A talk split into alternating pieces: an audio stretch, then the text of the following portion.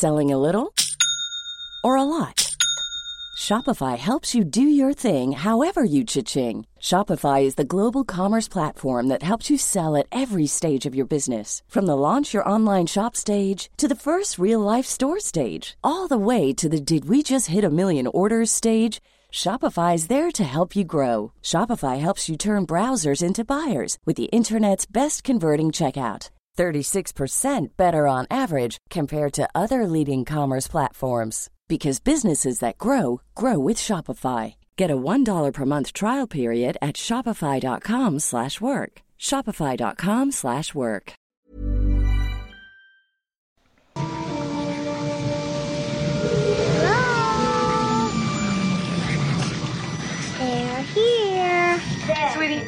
I'm going to give the people what they want sensation, horror, shock. Send them out in the streets to tell their friends how wonderful it is to be scared to death. going on here next door. Something, uh, we were wondering if maybe you had experienced any disturbances lately. What kind of disturbances? Välkommen till skräckfilmscirkeln. Idag ska vi ge oss in i spooket i spookvärlden och jaga poltergeister tillsammans med en badass Zelda Rubinstein. Dagens film är Poltergeist från 1982. En awesome film plus att vi ska få lära oss mer om Mrs Zelda Rubinstein. Jag ser väldigt mycket fram emot det här. Vad säger du Fredrik? Mm, jo då, det här är, är en mycket trivsam film och en väldigt trivsam skådespelerska. Så det här hoppas jag blir roligt och bra. Kanske ska säga att det är trivsamma skådespelare eftersom Rubinstein inte är den, eh, den mest centrala så att säga. Men det, det kommer vi till sen då.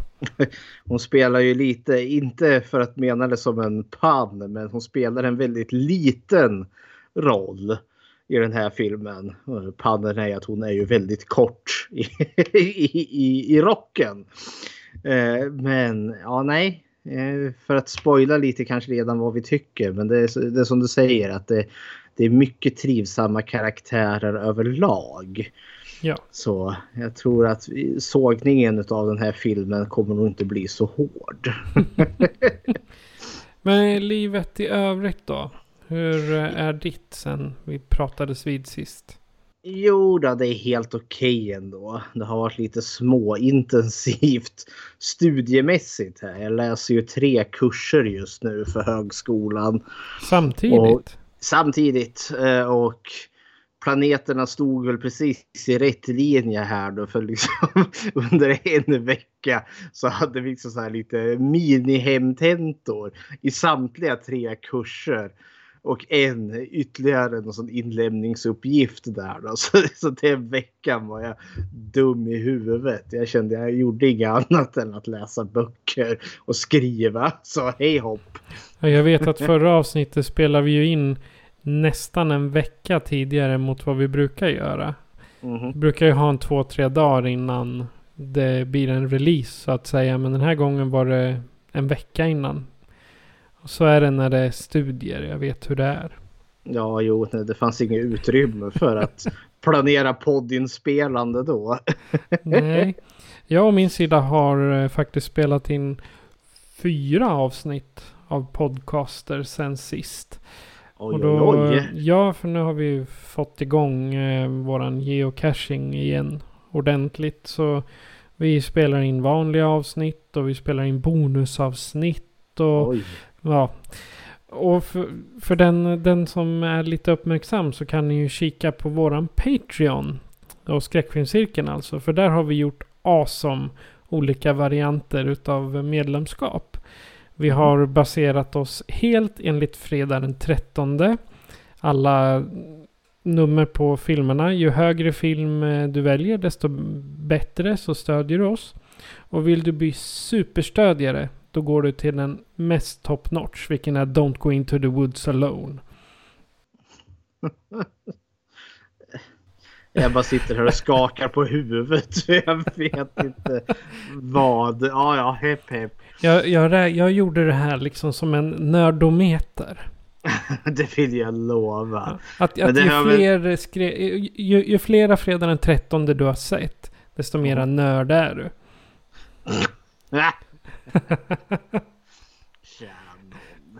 Ja, men så är allt. Men i vanlig ordning då tänkte jag vi kan prata om vad vi har sett sen sist. Mhm. Vad har du att bjuda på? Eh, jag har eh, kollat på den här tv-serien WandaVision. Klart nu för den vart klar här i veckan.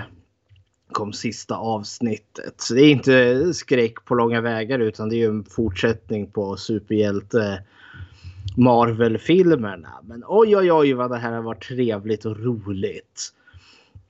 Eh, Så och det var en eh, fantastisk final till det hela. Så det var bara mums filesmask tyckte jag. Och eh, kul. Eh, ja, sätt att liksom väcka liv i superhjälte-franchisen. Inte för att den var död på något vis och vänster. Men jag satt och tänkte efter Avengers Endgame. Tänkte jag, ja, vart ska de ta vägen nu? Kan man göra något mer? Nu har de väl liksom kramat ut allt blod ur stenen så att säga. Men så gör de en tv-serie fast med typ nästan samma stora budget som just en så här en stor blockbusterfilm. Och att de gjorde det just det med att det är en spin på det som någon form av sitcom som rör sig från 50-talet och sen går den liksom decennier för decennier framåt. Så vi hamnar i 60-talet, 70-talet, 80-talet, 90-talet. Och liksom bara ett jättestort mysterium på det. Och jag var hooked från början till slut. Och så var det en väldigt trevlig bad guy som dök upp där sen. Så nej, i och med att den är pur, purfärsk färsk så ska jag liksom inte spoila någonting. Men jag tycker att eh, det var jättekul och eh, roligt nytt sätt att liksom spinna vidare på den här franchisen. Utöver det så har jag inte sett så mycket men jag har spelat ett spel här som heter Dead by Daylight. Eh, som är något sånt online-spel där man kör mot andra spelare. Då. Där en är mördaren och eh, fyra personer är då ja, överlevare. Och så är man liksom fast på en liten plats där någonstans. Överlevarna ska reparera generatorer för att på så sätt öppna någon dörr eller en port så att de kan fly ut därifrån. Och mördarens uppgift är ju då att jaga rätt på överlevarna eh, och eh, hugga ner dem och fästa dem på krokar som något hemskt offer till någon ond gud där. Och så måste man göra det några gånger till som är att ja, alla offren är döda. Eh, så det har jag sett och gjort. Och det har varit lite så kul eh, DLCs. Eh, så, så jag kan nu köra som Mike Myers. Eh, Gå omkring där och eh, ståka på mina offer. Men jag är så jävla sämst har jag upptäckt. För i regel så lyckas de alla överleva. Jag springer omkring där och viftar vilt med kniven men det gör mig inte mycket nytta. Men jag tänker med övning kommer färdighet så. Ja, Men eh, det är vad jag har gjort. okej. Är det... Jag har eh, inte tittat så, så jättemycket på film överhuvudtaget. Men jag har spelat Fortnite däremot. Och det är jag också usel på. Men det är ingen skräck och det, det är inte så... Ja, all, många vet vad Fortnite är så jag tänker inte gå igenom spelet. Det, man, man, man kan säga att det är som The Hunger Games fast med... eh, Fast det finns riktiga vapen. Däremot så har jag tittat på eh, någon, eh, något riktigt bottennapp på eh, Amazon. Och då kollade jag på Triassic World. Från 2018 faktiskt. och liksom... Jag höll på att bläddra igenom. Jag, jag kunde inte hitta någon någon av de här skådespelarna som liksom var något namn. Så jag tror att det här är en sån här film. Ja, de gjorde den för att den var rolig att göra. Och den, men eh, det jag reagerade mest på var att det är Asylum som har släppt den. Mhm. Ehm, Eller Asylum. Asylum, ja men as, Asylum. Asylum, Ja, ja. De, de släppte den och så tänkte jag, ja men det måste ju vara en hyfsad, eh, åtminstone rolig karaktär. Men det, nej, det är alltså, man har börjat använda dinosaurier för att eh, eh, odla mänskliga organ. Men vänta här nu. Alltså, man använder dinosaurier för att odla mänskliga organ. Vart kom dinosaurierna ifrån? Jo, de har ju klonat dinosaurier precis som i Jurassic Park och Jurassic World. De har klonat fram dinosaurier för att använda dem och odla mänskliga organ i. För Tydligen För så att växer ha de... som organtransplantationer eller vadå? Ja, förmodligen. Den, jaha, okej. Alltså det, det är inte mycket som är liksom logiskt i den här. Ja, men det Och- känns liksom, har, har man lyckats få tekniken att du kan klona dinosaurier? Ja, men det är ju samma som i Jurassic Park. De klonar ju upp dinosaurierna. Ja, jo, men sen känns det liksom som att ja, huvudsyftet är liksom för att ja, nu ska vi bygga armar och ben som vi kan sälja till eh, jag antar till sjukhus eller Ja, något nej, sånt nej. där. Det är mänskliga organ. Alltså hjärta, lever, Jaha. njurar, sådana. Andra är Okej. ju... Det, ja, de kanske ska göra det i framtiden, men man vet aldrig. Ja, ja. I alla fall så blir ju... Tröttnar de på att sitta i bur och att eh, vetenskapsmännen sticker dem med nålar så helt plötsligt så eh, tar de sig ur och äter upp alla på anläggningen. Och det slutar med att hela skiten sprängs. Såklart. Ja, så den har tre av tre på IMDB. Det, det säger väl allt. Jag När jag tänker Asylum då tänker jag ju väldigt mycket Sharknado och liknande. Så jag antar att det var mycket så CGI-dinosaurier som sprang omkring. I stort sett bara. Ja. Och den, eh, så, vad, vad jag har läst så släppte de den den 19 juni för att kapitalisera på Jurassic World. Du vet när det är Fallen Kingdom. Jaha. för den hade ju, den, den släpptes ju den 22 juni. Ja, ja, såklart. Ja. Men men, så är det. Titta inte på den för den suger. ja. Och det är i stort sett vad jag har tittat på. Annars har det mest blivit poddar. Och mer än så har jag inte. Nej. Nej. Men dagens tema är ju då um, dels filmen Poltergeist. Och eh, för att liksom snirkla oss in till Poltergeist så har vi en av våra favoritmänniskor som vi ska prata om. Mhm. Miss Zelda Rubenstein. Jajamensan. Vad har du att berätta om henne? Ja, ja, men det har varit en liten rolig ingång till när man ska prata om filmen Poltergeist. Att göra det lite ur den här skådespel sk- skådespelerskans perspektiv. För jag tycker att man pratar inte så mycket om henne, men hon är en sån där Ja, eh, säregen liten skådespelerska. Så hon, hon sticker ut varje gång hon är med i någonting. Dels för att hon är så väldigt kort och att hon har en så väldigt speciell röst. Och vi kommer lyssna på ett klipp på henne senare. Eh, Men jag ska ta lite allmän fakta om henne.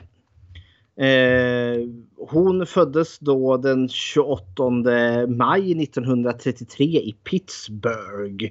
Hennes föräldrar var eh, judiska eh, eh, polacker som då flyttade till eh, ja, till Amerika och då tänkte jag liksom, oh, hade det något att göra med världskriget och nazismen? Men så slog det mig, nej, nassarna var ju inte inne och veva i Polen förrän 39 om de inte hade någon kristallkula som de såg i och liksom visste vart väg, världen var på väg.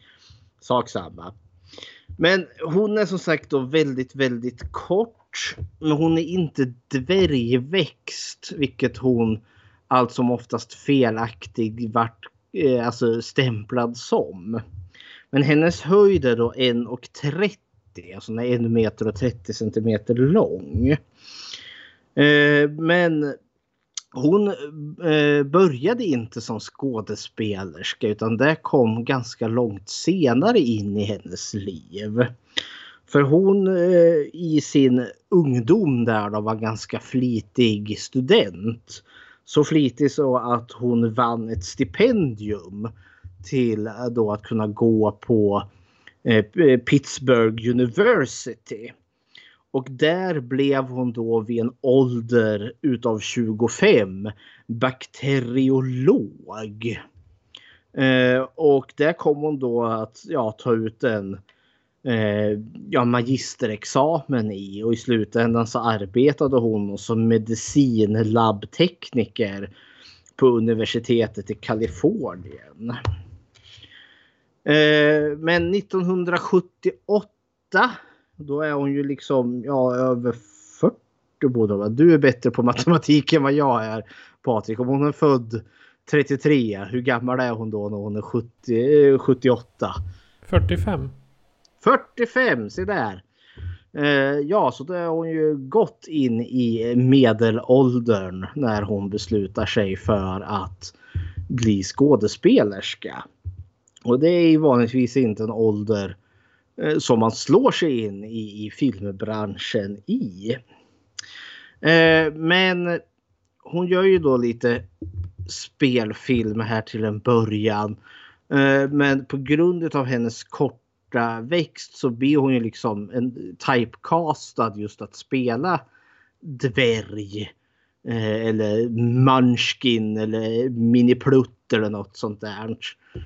Eh, hennes första liksom filmroll. Eh, alltså en, en större spelfilm då var det en film som på svenska heter Varning för dvärgar som kom ut 1981. Originaltiteln är väl eh, Under the Rainbow med Chevy Chase där och eh, Carrie Fisher i huvudrollerna. Carrie Fisher mest känd som prinsessan Leia i Star Wars. Om då just ja, när eh, ja, vid regnbågens slut. Det finns Lilleputtland och så kommer dvärgarna lös och så blir det eh, tokigheter tydligen. Eh, hon kom att bli ganska tidigt en aktivist för just alltså, kortväxta personer. Och det var något som hon kunde fortsätta med under resten av sitt liv. Hon, hon är nämligen väldigt aktiv eh, för mänskliga rättigheter och för liksom personers ja, allmänt väl och ve. Och just för då kortväxta personer i showbusiness kommer hon att eh, ja, kämpa för och liksom mot fördomar och liknande som det fanns ganska mycket av. Och hon kom ju att eh, engagera sig i en annan ganska stor eh, aktivism som sen kom att kosta henne ganska dyrt. Men som sagt, hon började intressera sig för skådespel 78. Hon får med i sin, alltså sin första spelfilm 81 där. Eh, men då är hon ju verkligen liksom mest bara en statistroll. Hon är liksom en utav mängden dvärgar där. Men året efter kommer ju Poltergeist. Där hon då har rollen som mediumet Tangina heter hon väl. Alltså karaktären. Eh, och ja, och det blir ju hennes stora genombrott. Dels för att filmen i sig går ju väldigt bra. Och är ju liksom ett erkänt liksom, mästerverk utav många kritiker. Och i recensionerna så fick, märktes ju då Zelda Rubinstein ut. För hon är ju med en ganska kort stund i filmen. Men när hon väl är med då skär hon ju liksom hela... hon, skär, hon skär ju scenen. Eh, helt klart. Eh, så då har ju liksom Hollywood fått upp ögonen för henne. Och många av de här tidiga recensionerna Och när liksom hype-tåget för filmen Poltergeist kom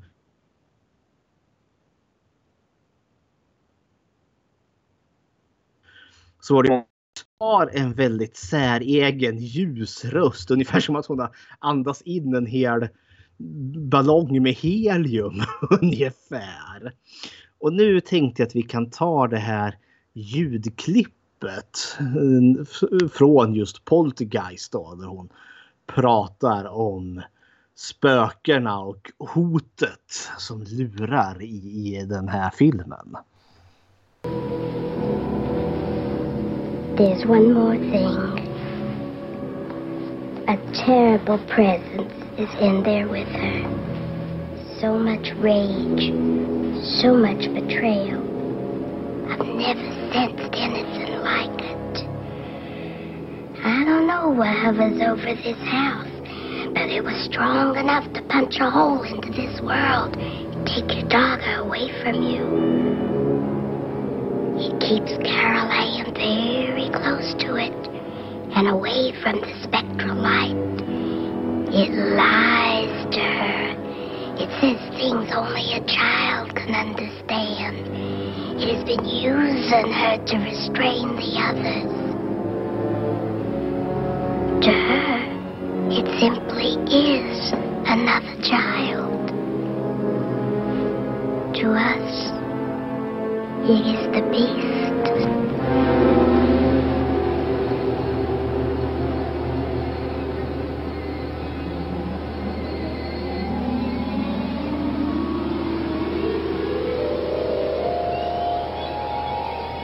Now let's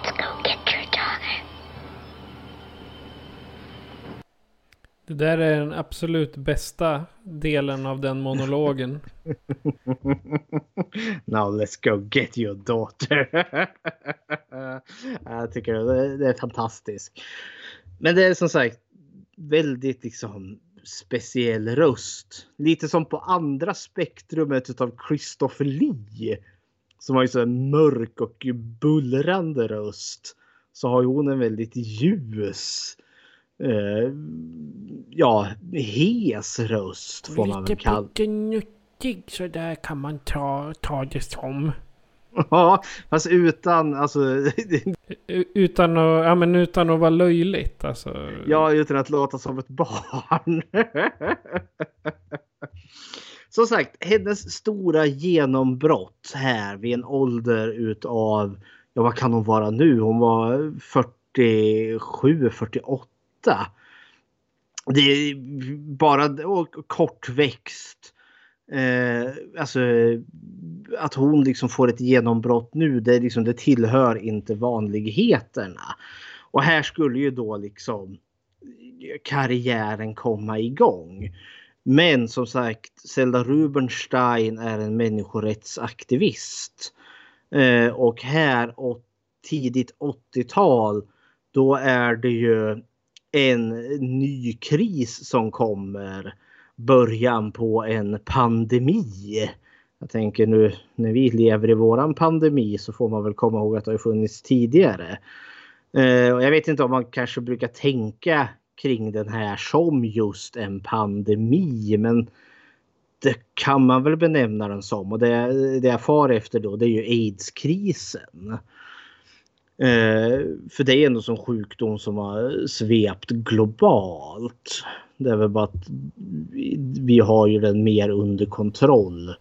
Idag, Idag ja.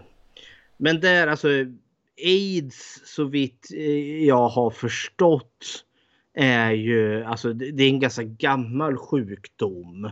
Alltså det ska tydligen finnas liksom så blodprover bevarade från 50-talet eh, där man då har hittat då eh, HIV-antikroppar i.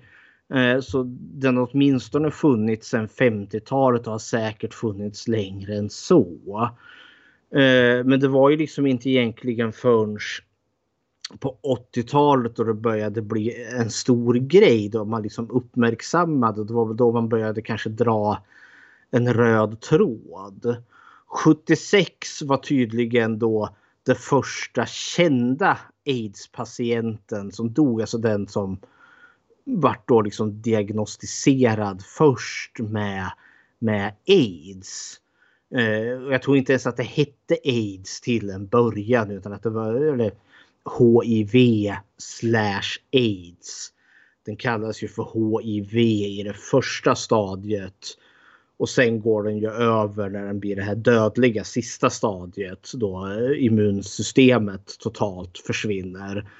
Det är då den kallas för aids. Tror jag. Jag tänker inte ta gift på det här men jag har för mig att det är så. Nej, jag besitter Nej, men... inte de kunskaperna jag heller. Så.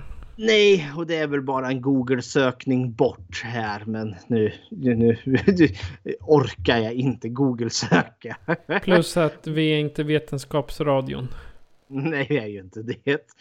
Men det är ju så den här sjukdomen fungerar så vitt jag så Den är ju sexuellt överförbar eh, och den smittar ju genom blod.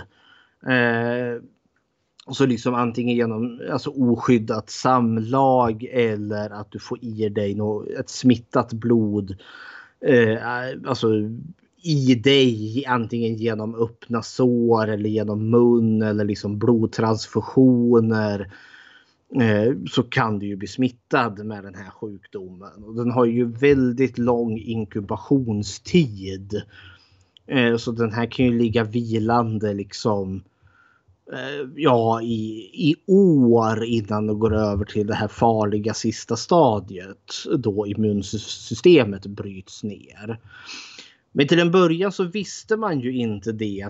Eh, men när det väl började uppmärksammas då uppmärksammades det just bland homosexuella män. Eh, och man gjorde ju en olycklig likhetstecken där. Att det här var då en sjukdom som då fram, ja, uteslutande drabbade då just homosexuella män. Eh, och jag hittade en liten tidningsartikel där jag bara, bara läste rubriken där det står Rare Cancer seen in 41 homosexuals. Outbreak occur among men in New York and California. Eight dead eh, inside two years. Så man kallar det för en ovanlig cancer som man då hade hittat hos då 41 homosexuella män. Varav åtta äh, i New York och Kalifornien. Varav åtta av dem då hade dött inom loppet utav två år. Så det här är ju det som vi senare kommer visa sig vara aids. Och när det väl liksom kommer igång och forskningsvärlden börjar dra trådarna där, det är ju då liksom det blir ju braskande rubriker. Eh, och eh, folk blir rädda. Eh, I The Daily Mail så finns det en sån här eh, rubrik eller så löpsedel. Det står Patient catches disease after blood transfusion. AIDS virus kills man in Brittany. Uh, coronan gjorde ett plötsligt inspel i mitt liv och började hosta häcken av mig här.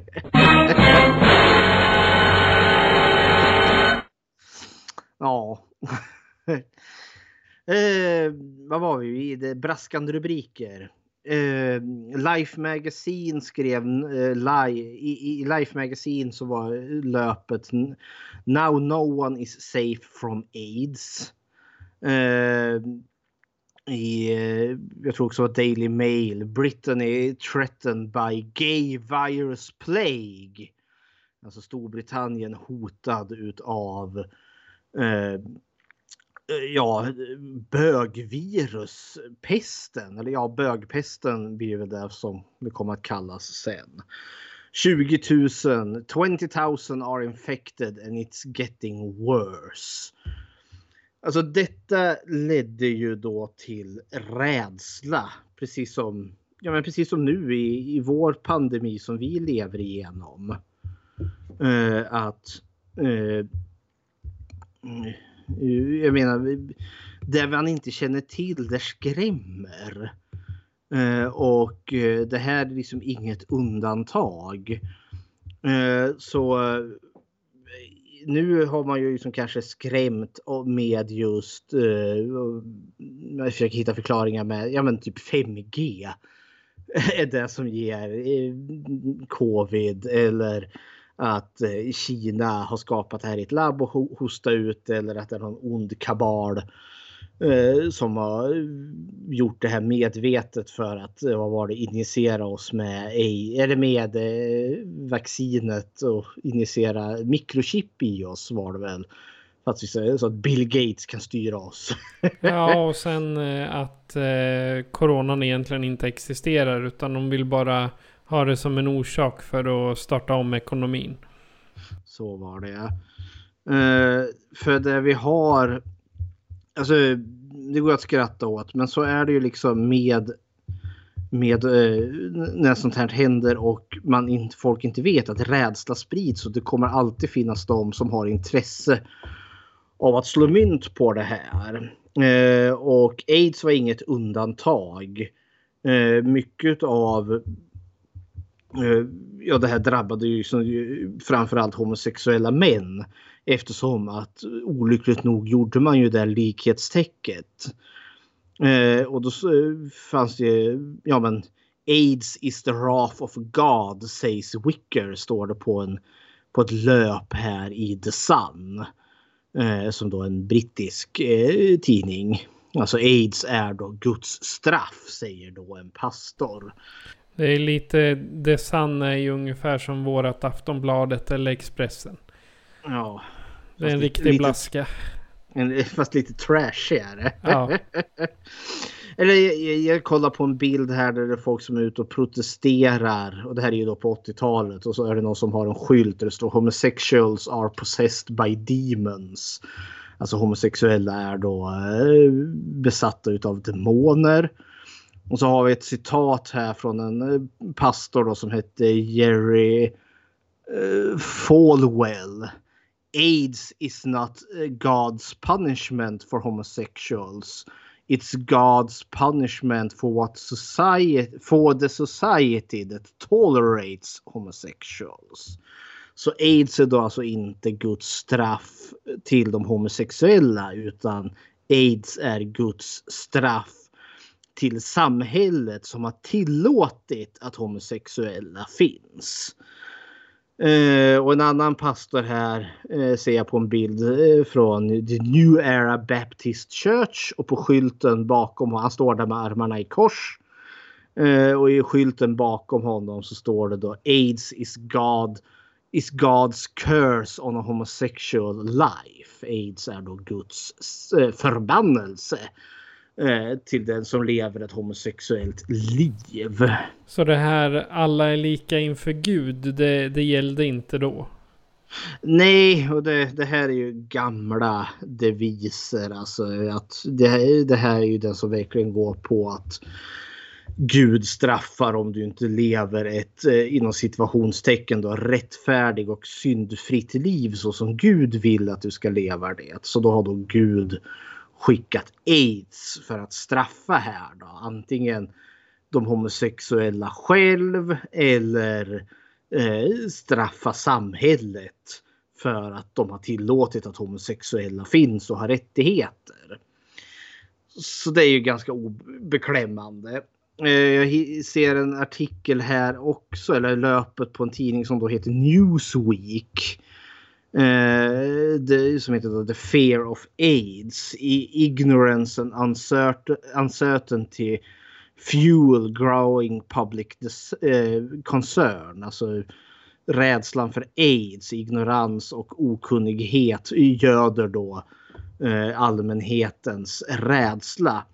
Och på då har de ett foto då eh, med två barn, en pojke och en flicka som då står och håller upp varsin skylt som säkert deras föräldrar eller den grupp eller församling de tillhör på eh, med då ett budskap där det står då No AIDS children in district 27.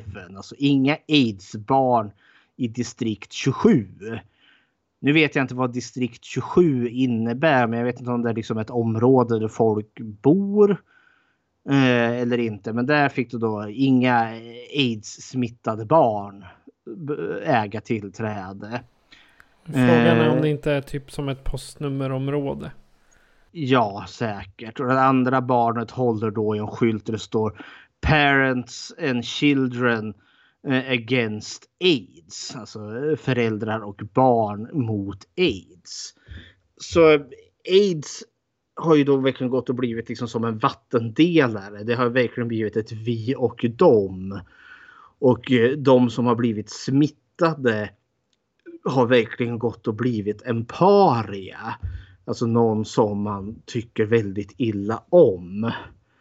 Jag vet inte, kommer, såg du den här Jonas Gardell filmatiseringen av hans böcker Torka aldrig tårar utan handskar? Eh, nej, men jag har, jag har läst boken, men det var evigheter sedan. Ja, Nej, men alltså det, det målas det, för det, nu, nu snackar vi liksom väldigt mycket ur en amerikansk kontext här, men alltså det var ju likan, liknande även här i Sverige. Och Jonas Gardell lyckas fånga det här väldigt väl, just den här rädslan och okunskapen inför vad sjukdomen var. Så just det här torka aldrig tårar utan handskar. Det var ju, alltså det är ett bokstavligt citat som någon hörde från någon sjuksköterska där. För att man visste ju då inte om smittan kunde sprida sig genom, ja, genom tårar exempelvis. Vilket gjorde ju att väldigt många som var döendes lämnades ju ensamma att dö den här ganska plågsamma döden som aids ändå så leder till. Men det, är gjorde ju också... li- det är ju lite liknande där vi har idag. Med, rör inte någon utan att sprita händerna eller använd plasthandskar vart du än är.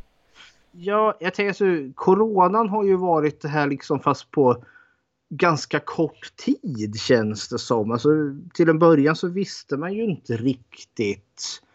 Eh, jag tänker jag har läst artiklar här nu när, alltså nu när vi är inne i den så kallade tredje vågen utav covid. Men att man just nu har, är bättre på att behandla de som blir svårt sjuka och kanske behöver ligga på sjukhus eller rent av eh, ligga i respirator. Att man vet bättre hur sjukdomen fungerar och hur man behandlar den. Och jag, jag tänker göra lite likhetstecken till aids där men det som var det jävliga med aids var ju just som sagt det här likhetstecket mellan sjukdomen och homosexualitet. Vilket gjorde som att Reagan som var president under den här eran, han var ju så här stockkonservativ kristen. De hade inget intresse av att forska för alltså hitta botemedel eller bromsmediciner mot aids för det drabbade ändå så en grupp eh, som hans väljarbas såg ner på. Så varför skulle Reagan hjälpa dessa människor? Så ja, det finns en väldigt cynisk eh, bild till just aids och den som de vart drabbade av aids. Han vart helt enkelt av med en grupp människor som inte stämde in på hans världsbild. Utan Ja. att han behövde göra någonting. Inte bara det, det var väl också just den här rädslan att om han alltså, eh, vad heter det, engagerade sig i det här att han då skulle få eh, en politik, politisk eh, backlash. Att de som han röstade på, så, eller som röstade på honom såg ju ner på den här gruppen människor. För det var liksom, det så var de ju syndiga för att man levde inte som Gud ville att de skulle leva. Men plus också för att det fanns sådana nidbilder av att vara homosexuell.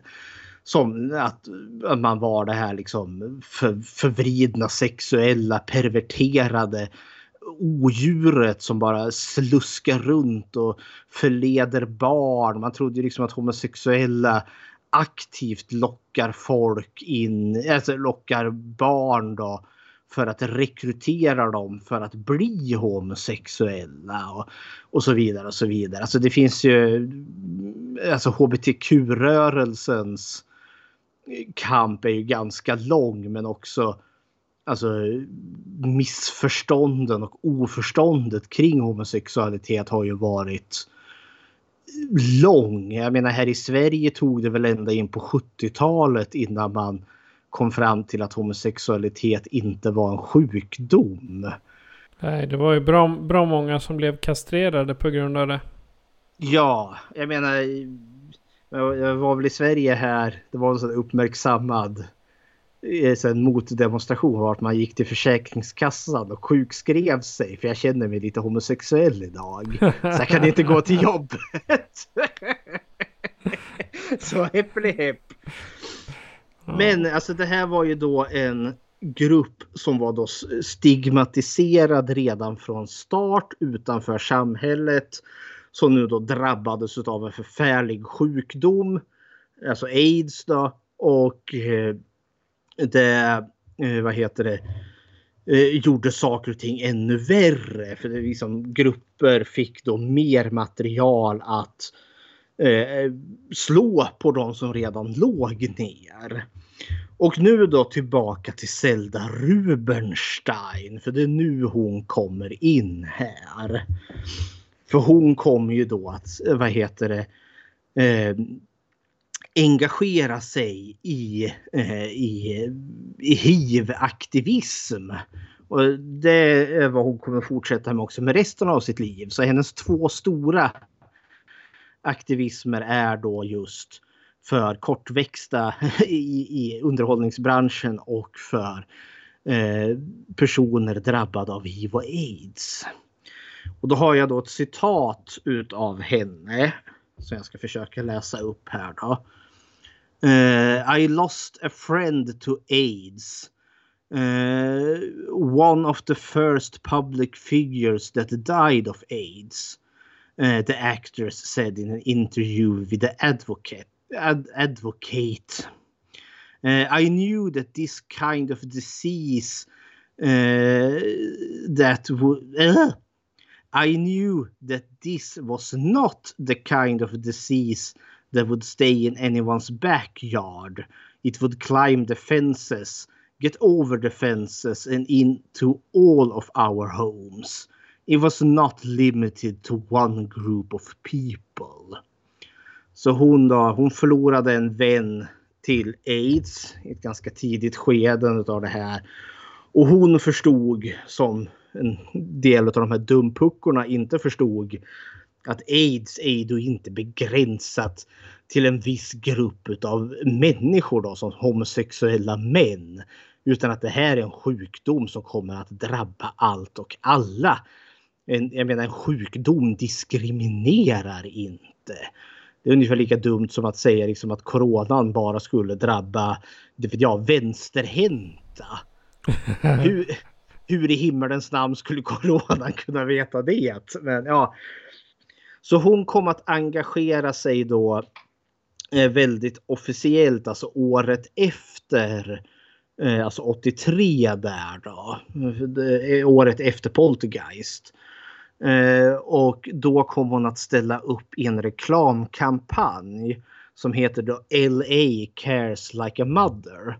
Alltså LA, staden då, bryr sig om dig som en moder. Eh, som då var då en reklamkampanj för säker sex. Eh, alltså promota kondomer. För det var väl då man hade lyckats listat ut likhetstecknet mellan alltså hur, eller hur sjukdomen eh, sprids. Och då är det då just då Zelda Rubenstein som klädd som en liten, ja men som en klassisk husmor och så är det liksom hon då som eh, kollar på, i regel är det, ja hon möter en ung man som står ansikte mot ansikte till. Och ser liksom väldigt glad, alltså kärvänligt på honom. Och sen då liksom eh, håller då liksom som att hon ger över ett paket kondomer till honom.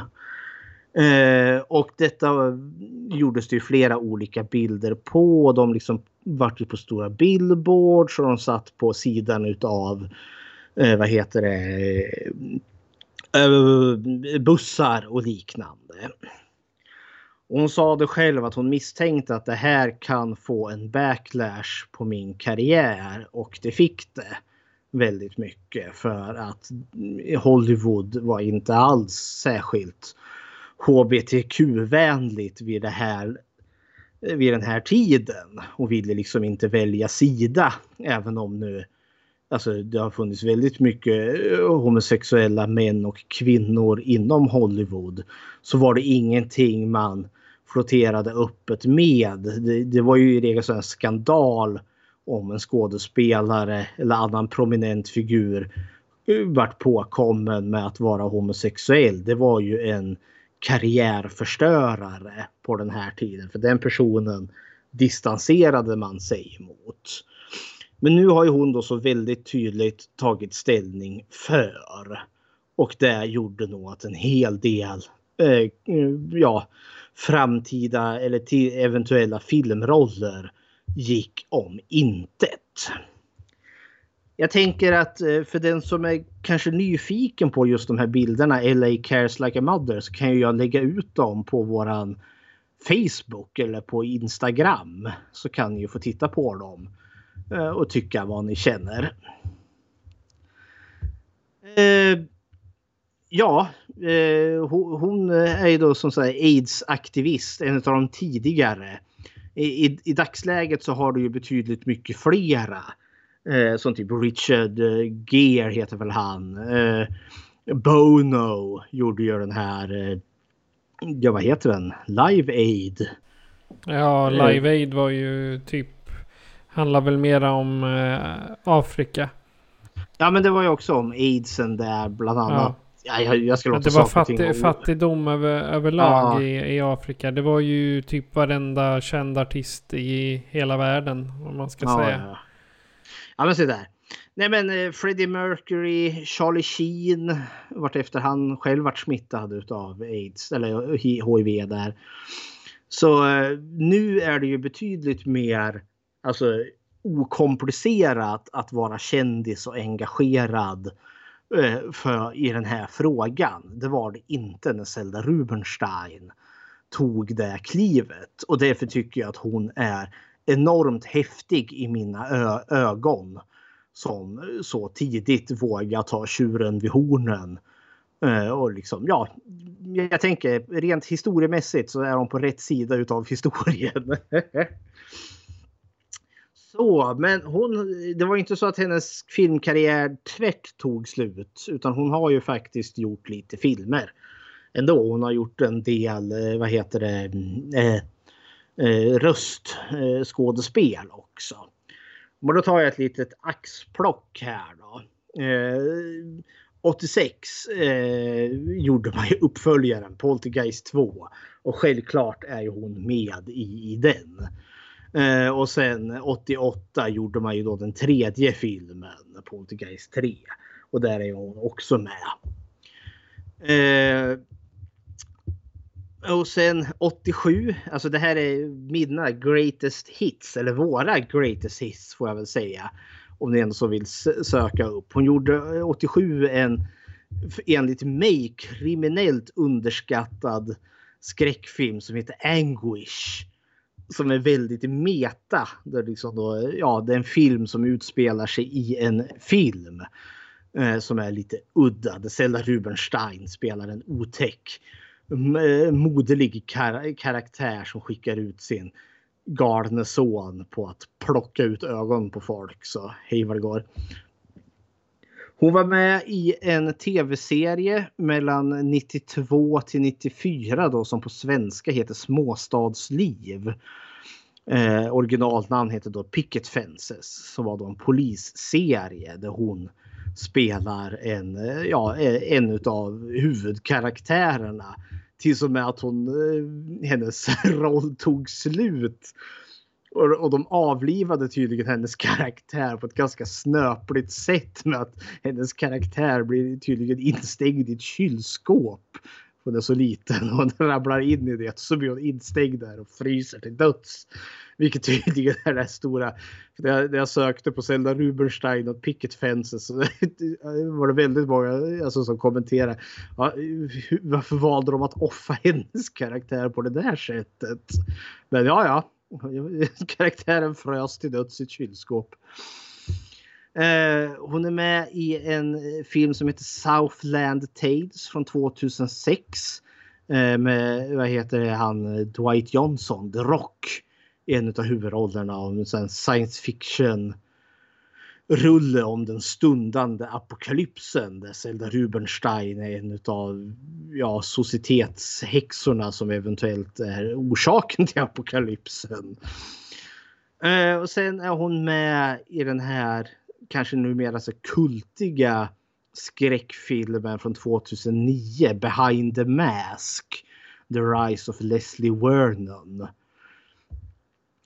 Uh, och sen har hon varit med i lite andra olika saker. Hon var väl med i, i, i tv-serien Sabrina tonårshäxan innan. Och då, då, är det inte uh, The Chilling Adventure of Sabrina som går på Netflix utan den som var innan där och som är betydligt mer barnvänlig. Originalet skulle jag säga. Ja. Nej men alltså Zelda hon, hon, hon hade mycket mindre roller och inte alla gånger liksom så talroller på film. Hon, hon har röstskådespelat en hel del.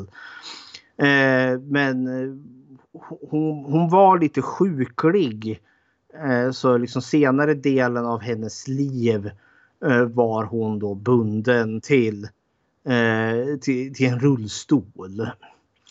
Eh, så den 27 januari 2010 dör hon då vid en ålder utav 77 år gammal eh, efter sviterna utav en hjärtinfarkt. Men eh, ja, det är då Zelda Rubenstein i ett nötskal.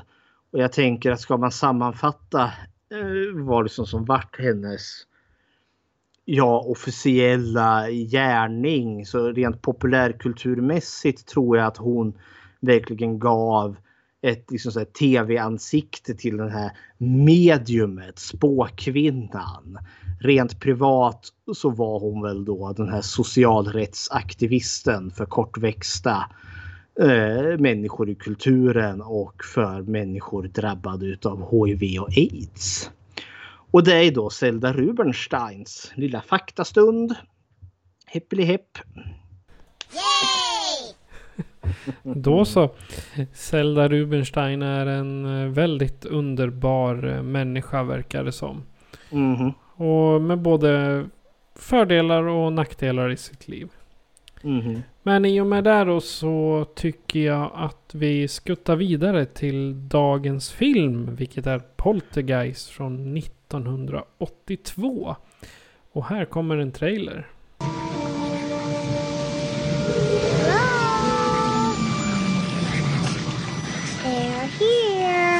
Sweetie, remember last night? Do you remember when you woke up and you said they were here? Uh-huh. Well, who did you mean? Who's here? TV people. Something's funny going on here next door. Something, uh... We were wondering if maybe you had experienced any disturbances lately. What, what kind of disturbances? I don't know what hovers over this house.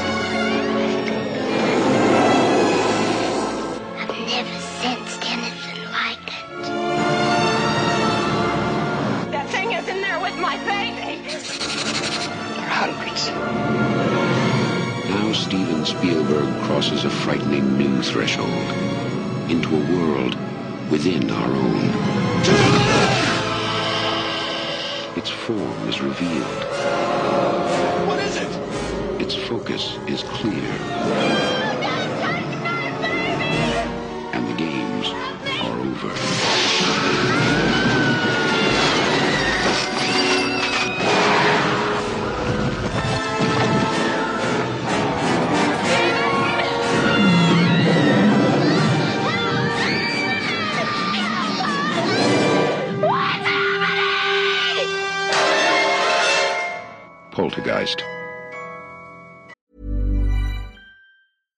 Sandra, and I'm just the professional your small business was looking for. But you didn't hire me because you didn't use LinkedIn jobs. LinkedIn has professionals you can't find anywhere else, including those who aren't actively looking for a new job but might be open to the perfect role, like me.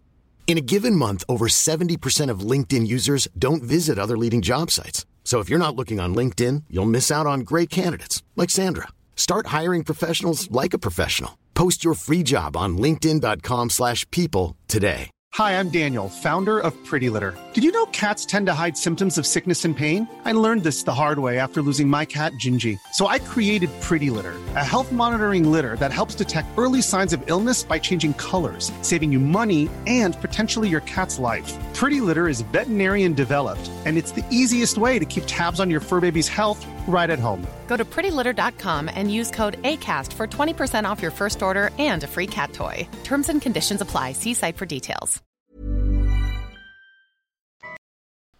När andar från andra sidan kidnappar deras dotter går flickans familj genom himmel och helvete för att få tillbaka henne.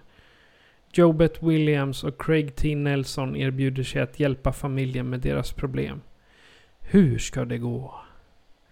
Det är en eh, lite kort variant till Snapcasen av Poltergeist. Eh, Fredrik, vad är dina initiala tankar? Det här är en sån här eh, film som jag medan hyrvideobutikerna fortfarande fanns vet att jag, när jag stod där som fjunig tonåring stod och tittade på omslaget med flickan där som ja, står, sitter där framför den här tv-skärmen och den, den tilltalade på något vis och vänster. Jag vet att jag såg den här ganska ung ändå och var ganska blown away utav den. För den har ett liksom eh, något sätt att suga in. Eh, den sög åtminstone in mig i den här på ett väldigt trollbindande sätt. Eh, och man häpnade lite då över specialeffekterna.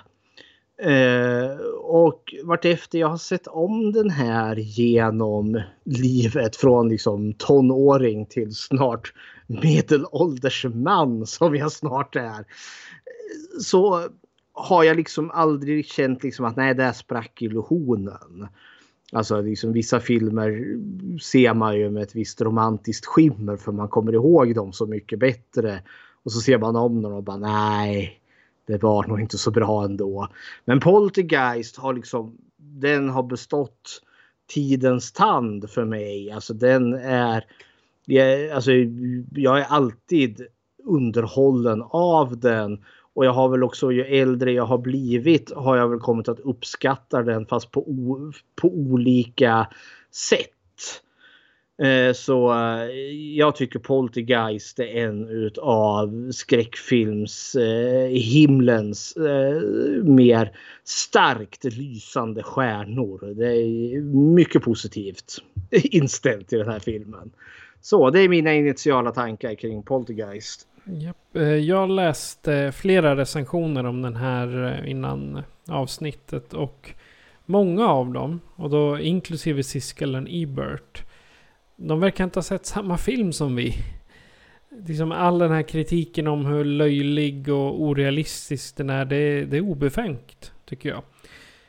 Poltergeist är typ en spökhistoria.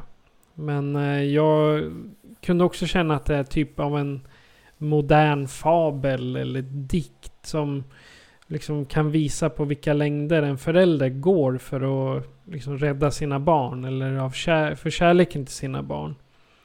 Och skådespelet i den här är fantastiskt och jag bryr mig faktiskt inte om karaktärerna och sitter hela tiden och hoppas på att de ska lyckas.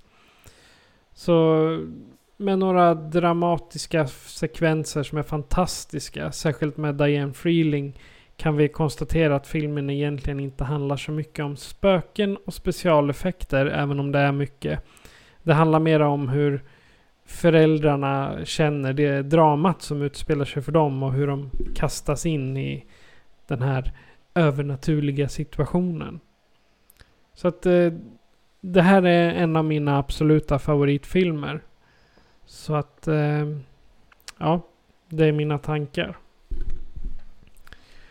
Och eh, i det här fallet då så har vi lite svårt att bygga upp, eller vi har lätt att bygga upp det med plats, hot och eh, karaktärer. För platsen, det finns bara en. Och det är Mhm. huset. Ja, så- eller villaområdet kan man väl också dra det till. Ja, i slutet. Så. Mhm. Men eh, karaktärerna är nog där jag vill lägga mest eh, vikt vid. För där har vi en, en hel hög som faktiskt är ganska avgörande för hela Mhm. filmen. Men det, det, det väsentligt dit kommer nog hamna där för vi har ganska många och färgstarka karaktärer i den här filmen. Ja. Men jag tänker ska vi avhandla platsen först så har vi det gjort. ja, det låter som en bra idé. Ja, men, för det sätter ju ändå så settingen ganska väl här. Ja, det alltså, gör det. det, det, det är ju som du säger, den utspelar ju sig i, i, majoritet, liksom 90 procent utav filmen utspelar sig i huset. Eh, och det, det är ju ganska förståeligt eftersom att det är ju där flickan Carol Ann försvinner och hon kommer ju inte någonstans. Och familjen vill ju ha tillbaka henne. Så liksom då blir ju all handling utifrån det här huset. Men alltså ja, det är ju ett väldigt fint hus. De, De är ny, i. precis nybyggda de här. Ja. Och det är ju lite, Eh. det är lite som det här vi, som vi har i Sverige nu. En våg utav nybyggnationer. Det kommer nya Mhm. lägenheter. Man bygger eh, villaområden där alla hus ser likadana ut. Skrämmande Ja. likt som i USA. Och här är det väl typ samma sak de har gjort. Ja men det känns ju som att det här kanske är, liksom är förlagan till det som, som du säger här då. De här byggnationerna här, de här villaområdena. Med hus som ser exakt likadana ut. För det är precis vad de här husen är. De är ju nästan karbonkopior på varandra. Och det är ju, vi förstår ju, det här området Cuesta Verda som det heter. Eh, är ju nybyggt. Man håller på och bygger liksom ett, ja, ett område där då med, med hus där som står på rad till varandra. Där barnen är ute och leker på, på gatan och liksom hemmafruarna går och byter eh, kakrecept med varandra och maken är ute och handlar eller är ute och arbetar och drar in brödfödan där.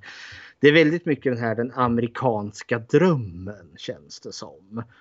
Och det är ett väldigt puttrigt område. Alltså, det, det, det känns som att det är trivsamt. Det finns liksom ingen sån smutsig baksida till det. Liksom att oh, här har vi prostitution och drogmissbruk. Filmen ger ingen sken av det.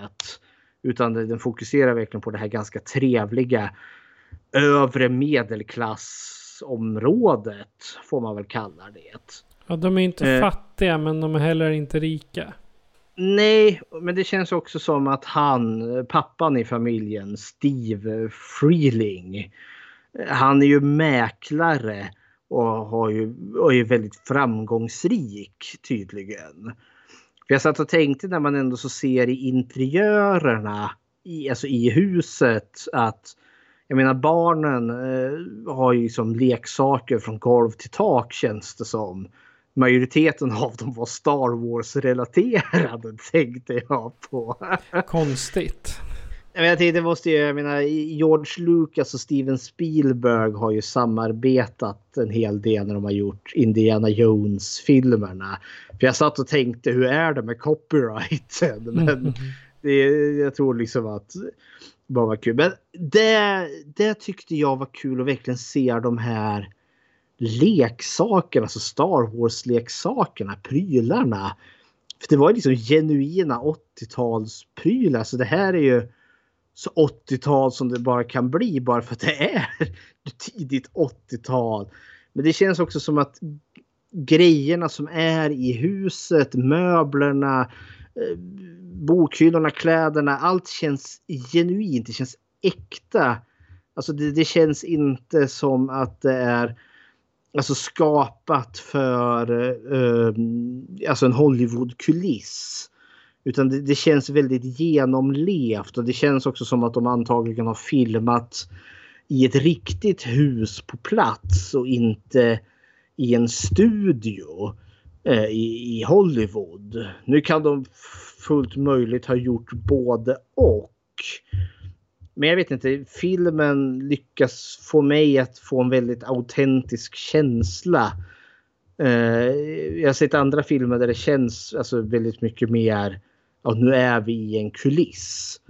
Eh, men det, det, upplever jag inte riktigt i, i den här filmen. Ja, det jag tycker det är fint med området det är ju också att du går över till grannen, eller ja, man kan ju ta det i början när grannen ska byta kanal på tvn och det kommer fram han, eh, vad heter han nu, Mr... Mr. Ro Mr. Rogers! Ja, precis. Den här, det, apropå det så såg jag eh, filmen om honom där Tom Hanks spelar Mr. Rogers. Oh, jag har inte sett den filmen ännu men jag, jag, vill hemskt gärna se den för den mm. verkar jättemysig. Ja, den ligger på Viaplay. Ah, ja, alltså där. Så, ja. Men i alla fall, och han vill ju se en amerikansk fotbollsmatch. Och så ligger mm. de på samma, samma band. Nej, det är väl det att de har... Det... De har samma... Grannen har samma typ av tv och samma fjärrkontroll. Och då tydligen när grannen byter kanal då byter han även kanal på deras tv. ja. Ungarna vill se Mr Rogers. Ja, han har grabbkväll och vill se eh, fotbollsmatch eller rugbymatchen istället. Det är något jag vill ponera på innan vi går över till karaktärerna. Så, eller det kan vara en segway över. Alltså för det här finns det ju. Eh, vi snackar den amerikanska drömmen, drömfamiljen, drömhuset, allt det här. Men det slog ju mig att det var ju väldigt Alltså kontra man, alltså det var ju väldigt ibland lite stereotypa alltså, män och lite stereotypa kvinnor. Alltså kvinnan, alltså modern i den här familjen, hon är ju bevisligen hemmafru. Tänker jag. Alltså hon har inget dagjobb hon går till utan hennes jobb är verkligen hemmet. Och han är den som är ute och jobbar och drar in brödet så att säga. Och så tänker jag ju för de håller ju på och bygger en swimmingpool. När dottern går förbi bygggubbarna där.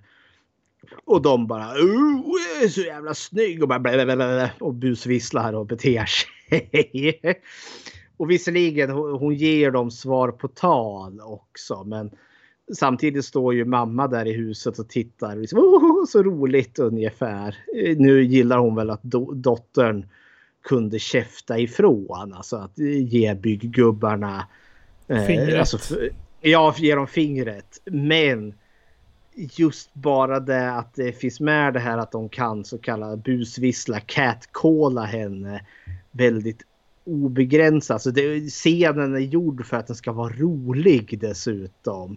Och det provocerande jag... helt klart. Förvisso, men jag tror inte den funkar. Alltså, hade den här filmen gjorts idag så skulle den här filmen ha, alltså just den scenen varit gjord mycket mer alltså, som problematiserande, mycket mer hemsk och läskig. Så jag vet det finns alltså ganska tydliga könsroller här som inte känns så jättefräscha. Alltså 2021. Men som då däremot känns väldigt tidstypisk för 80-talets Amerika. Det är typiskt. Så. Alltså, det har jag skrivit på i stort sett alla mina kommentarer till varje karaktär. Att det är mest stereotypa. Men det finns twister också. Alltså det, det, är väldigt välskrivna karaktärer här tycker jag. Så även om nu hon, alltså modern Diana Freeling är verkligen den här husfrun så är hon ju inte en passiv kvinna någonstans. Utan hon har ju väldigt mycket karaktär och får ju också rycka in när det hettar till på allvar. Då kan vi ju så. börja med henne tycker jag. Ja, alltså vi kan ju gå igenom våra karaktärer vilket är ganska många ändå. Men vi har vi ju då hela familjen Freeling bestående av eh, fem individer. Mamma, pappa, två döttrar och en son. Uh, Diane Freeling spelad av... Jobet Williams. Så heter hon. Jag tycker hon är en... Alltså, alla karaktärerna här är trevliga och jag gillar hur familjen Freeling porträtteras. Men uh, hon, mamman där då. Alltså, det är ganska jordade karaktärer men som ändå så kan ta ut svängarna lite. Alltså man förstår liksom att ja, men, de är erfarna föräldrar. De har tre barn här nu. Och de har precis flyttat in. Livet går lite som på räls. Eh, allt är bra nu.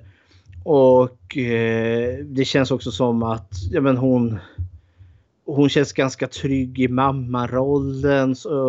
ganska trygg i sin roll som husfru. Det är liksom inte det, oh, är en dålig mamma, är en dålig fru. Utan alla känns väldigt eh, alltså i bra relation till varandra. Jag kunde väl, alltså jag tycker hon är väl, hon är väldigt fritänkande och väldigt öppen. För jag tänker när spökerierna börjar i huset så är ju hon bland de första utöver dottern Caroline då. Som noterar detta och istället för att freaka ut som jag tror jag skulle ha gjort om när stolarna plötsligt ställer sig som en pyramid på köksbordet. Då hade jag nog tagit dottern min och sagt nej, nu skiter vi i det här huset och så tar vi in på hotell. Eh, istället så börjar hon utforska. Det känns som att liksom hon, hon, hon tar sig tiden och liksom eh, blir liksom fascinerad över fenomenet. Hon har ju hittat till och med en plats där om man ställer någonting vid en viss tidpunkt då dras den en sträcka liksom från ja, några meter i köket där. Och hon verkar tydligen så trygg med det att hon till och med kan sätta dottern i den där. Hon får en liten rugbyhjälm där då. Men sen dras hon liksom då över golvet. Och vi förstår att hon, hon har tydligen gjort det här på sig själv också. Liksom låtit den här osynliga kraften dra henne över golvet. Hon beskriver det, det känns som en kyckling i magen. Där. Så eh, jag, jag gillar väl det liksom att hon, hon får liksom vara en ganska, alltså en karaktär som låter sig intresseras, låter sig experimenteras. Eh, men också när det skiter sig när eh, Caroline blir tagen. Hur hon... Jag känner liksom hur hon också då fungerar som någon form av ankare. Hon, hon, hon är en stabil person.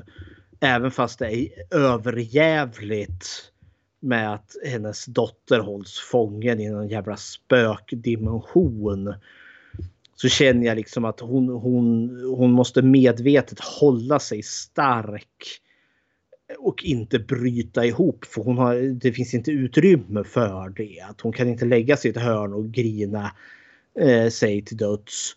Utan hon måste vara stark för att få sin dotter tillbaka och hon förblir stark. Eh, och när det hettar till fett seriöst. När det verkligen liksom kräver aktion då är hon också där och kan strida för sina barn. Så jag tycker hon är ett jättestarkt kvinnoporträtt. Så nu har jag nördat på som en idiot här om vår första karaktär. Vad tycker du om Mamma Freeling? Eh, jag har ingenting mer att säga för du har sagt typ allt som står på min lista. Då kan vi gå vidare till Steve Freeling eller Craig T. Nelson som han heter pappa där. Ja, vad tycker du om honom? Eh, ja, precis som eh, det här vi har sagt med de andra. Att han är en manlig man och en typisk far för den tiden. Mm. För jag vet, mamman säger ju eh, en bit in i filmen att Steve är den som bestämmer bestraffningarna. Ja, det kommer ju en scen där längre in när de måste, vad är det, de kan inte få kontakt med Carol Ann. Nej, de måste uh. ha någon, någon som antingen uh, som man antingen har hög respekt för eller att hon är lite smårädd för. Ja, för att skrämma ut henne ur För det här onda väsenet håller Carol Ann just då. Precis. I någon sån förljugen säkerhet. Ja. Men det, det jag gillar där är att han säger faktiskt jag skulle aldrig slå mina barn. Nej, jag noterade det jag också. Jag tyckte det de säger liksom ja, det, det är Steve som bestämmer bestraffningarna men då först, men de skulle aldrig liksom slå. Han, han är genuint obekväm när det här kommer upp. För hon, Zelda Rubensteins karaktär säger du måste hota med våld och han liksom Åh, jag vill inte men måste göra det ändå. Då tolkar man ju som att ja, det, vi snackar väl utegångsförbud eller något sånt där. Eller? Ja, eller att man får sitta på sitt rum tills man har och tänka över vad man har gjort tills man Ja. får komma ner. Det, det är vad jag gillar med just eh, hans eh, stereotypa. Sen är det han. Han åker hemifrån i deras gigantiska familjebil. Åker Mhm. och säljer lite hus. Klättrar i Mhm. graderna på kontoret och tjänar pengar liksom. Jajamän. Ja, så jag, jag kollade upp hans eh, Craig T. Nelsons eh, tidigare filmografi och han var med 73, det vill säga nästan 10 år innan Poltergeist, så var han med i Scream Blackula Scream. Oj! Alltså en Dracula-film. Ja, en av Blackula-filmerna. Ja. Det är awesome. Han var med där, han hade en, en eh, typ en huvudroll där. Mhm. Och sen 81 så var han med i en film som heter Mord i Texas. Eh, seriemördarfilm. Och 99 så var han med i To Serve and Protect. Också en seriemördarfilm. Så han är inte helt eh, ny på skräckfilmsområdet. Han, har väl, han är väl den som har gjort mest utav de här vill jag påstå. För jag känner igen han i andra filmer. Jo, han har gjort flest filmer men jag tänkte skräckfilmer. Ja, nej, det jag. Men han är väl kanske, det är ju han som är eh, i The Incredibles. Det är han som är rösten till Mr Incredible där. Exakt. Eh, så, ja, häpple häpp. Vad har du att säga om pappan? Eh, jag gillade verkligen alltså det här föräldraparet och jag gillade framför allt hans roll som pappa på film. För jag tycker det, det finns en sån här ganska trälig stereotyp, alltså nästan sitcom-stereotypen den här pappan som egentligen nästan är som det största förvuxna barnet. Alltså ytterligare ett barn som frun får ta hand om. Tänk lite Homer Simpsons eller Peter Griffin var de enda jag kommer på här nu. Ja men, Men det ganska- är ganska bra stereotyper för det. Ja, nej men liksom eh, slarvpelle eh, som gör massa hyss egentligen som inte är så ansvarstagande. Liksom allt ansvar ligger på frun att ta hand om barnen. Men han känns det som att det inte alls är så. Dels så är han ju den här ja, men, eh, manliga mannen som sitter där och dricker öl och eh, tjoar och hejar vid rugbymatchen. Medan frun håller på, eh, medan Diana håller på och hackar en sallad i, i köket eller något sånt för att ge mat till gubbarna när de sitter vid tvn. Men samtidigt så förstår man också precis som den här scenen du nämnde just att eh, när han ska hota Caroline med att ge eh, med straff där. För det, det, det är ju hon, Diana, som säger att det, det är ju Steven som delar ut straffen till barnen. Då förstod jag ju lite underförstått att ja, men de samtalar ju bevisligen med varandra om just hur att, eh, ja, om barnuppfostran där då. Så han är ju då engagerad i, i familjen. Han är inte den här liksom slarvpappan som liksom bara kommer hem och är totalt ointresserad av barnen. Och jag tänker framförallt så blir det där när sonen, när det här åskovädret rullar in. Eh, och sonen är rädd för åskan. För det tyckte jag var en fin scen. För då, liksom, ja, men då tar han ju med sig grabben. Eh, grabben får rida rygg på honom där. Och så, och så lägger han sig i, i sonens säng och så går han igenom, eh, vad heter det, det här när, när man ser blixten så ska man räkna till som att man hör åskmullret. Och är det högre nästa gång kan det komma till upp en sekund mer. Det betyder att åskan är på väg bort. Det alltså, han är engagerad. Eh, och likadant Carol Ann sitter där och pratar i sin, eh, vad är det, sin leksakstelefon och säger liksom Åh pappa det är ett telefonsamtal till dig och han säger ja, ber dem ta ett meddelande. Hon ja, ta ett meddelande. Alltså han är engagerad.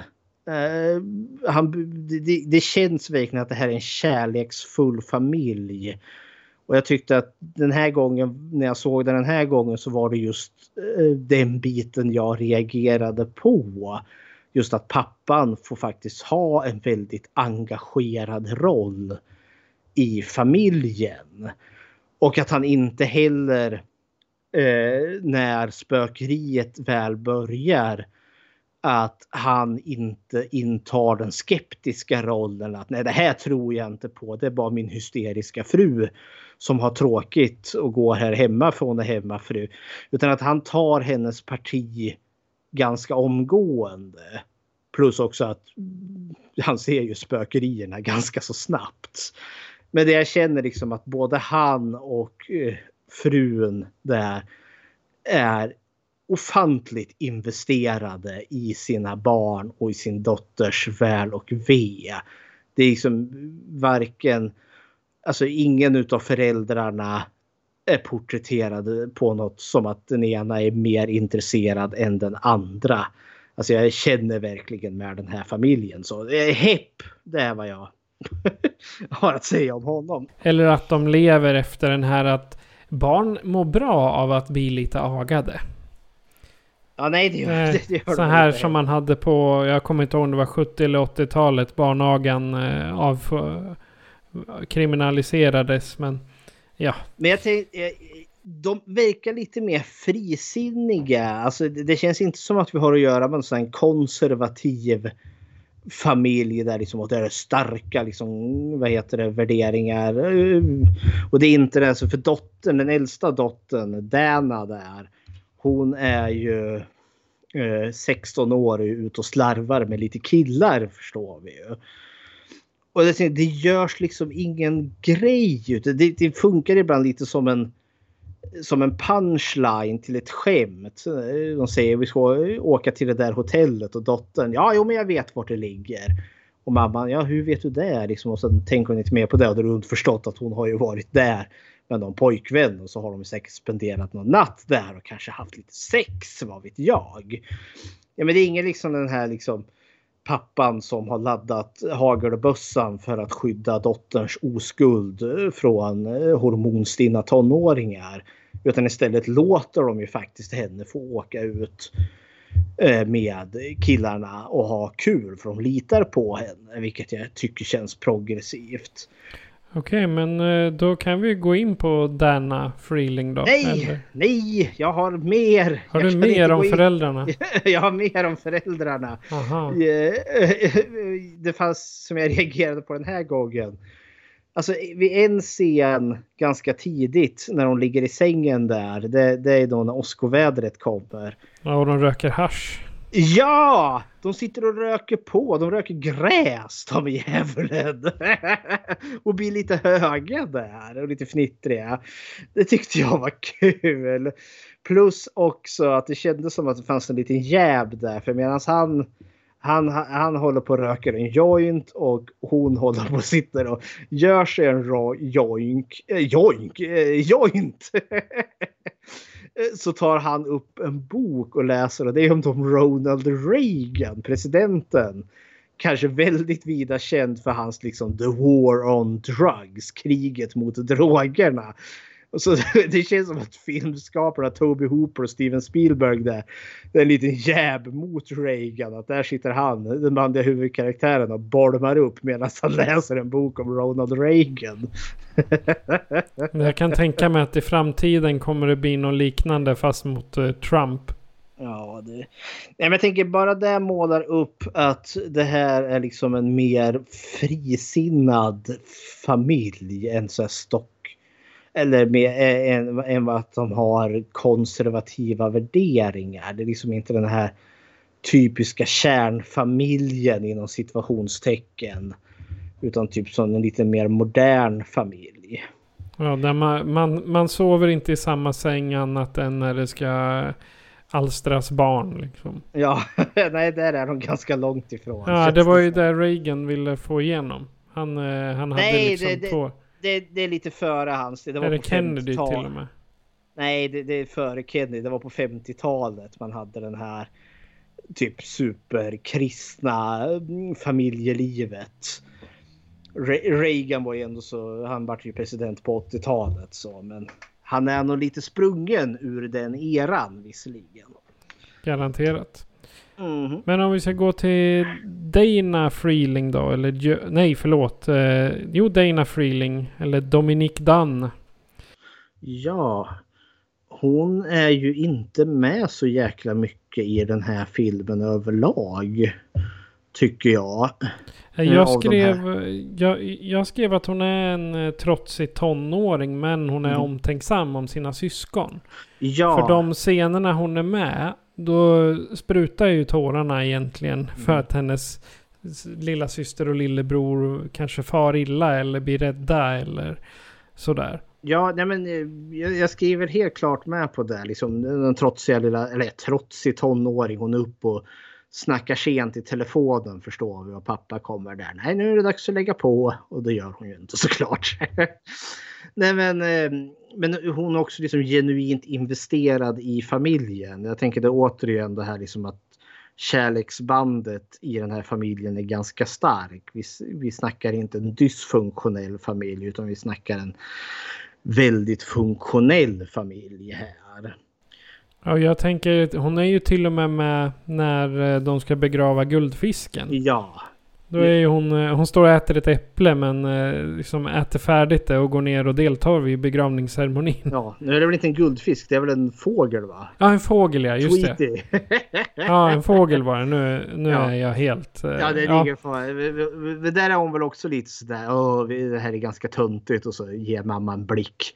Och att henne, ja så går hon ju ner på knä och så, så sitter de ju mamma, eh, eh, hon och lilla syster Caroline och så ber de en liten bön till Gud när de begraver eh, fågeln där. Och det är precis efter Ja. att fågeln är begravd och hon frågar liksom, kan jag få guldfisk nu? Ja, Dominic Dunn har en ganska tragisk historia. För i november samma år som eh, Poltergeist kom ut så vart hon mördad av sin pojkvän. ja, hon var ju var- i en Hon var ju i en väldigt destruktiv relation där. Och Ja. vart ju... Ja, hon vart ju misshandlad till döds av honom. Rätt och Ja, han, slätt. strö, han ströp henne till döds till slut. Ugh. Inte för Ja. att det är bättre än misshandel men eh, bara för att få en, en detalj. Ja, nej, men han hade väl pucklat på. Jag för, alltså, eh, det, det har ju snackats lite så här i populär alltså, kultur, fenomen kring alltså, poltergeist-förbannelsen. För det är ju en hel Ja. del skådespelare som har dött. eh, Som har varit med i, i Poltergeist eller i någon av deras uppföljare.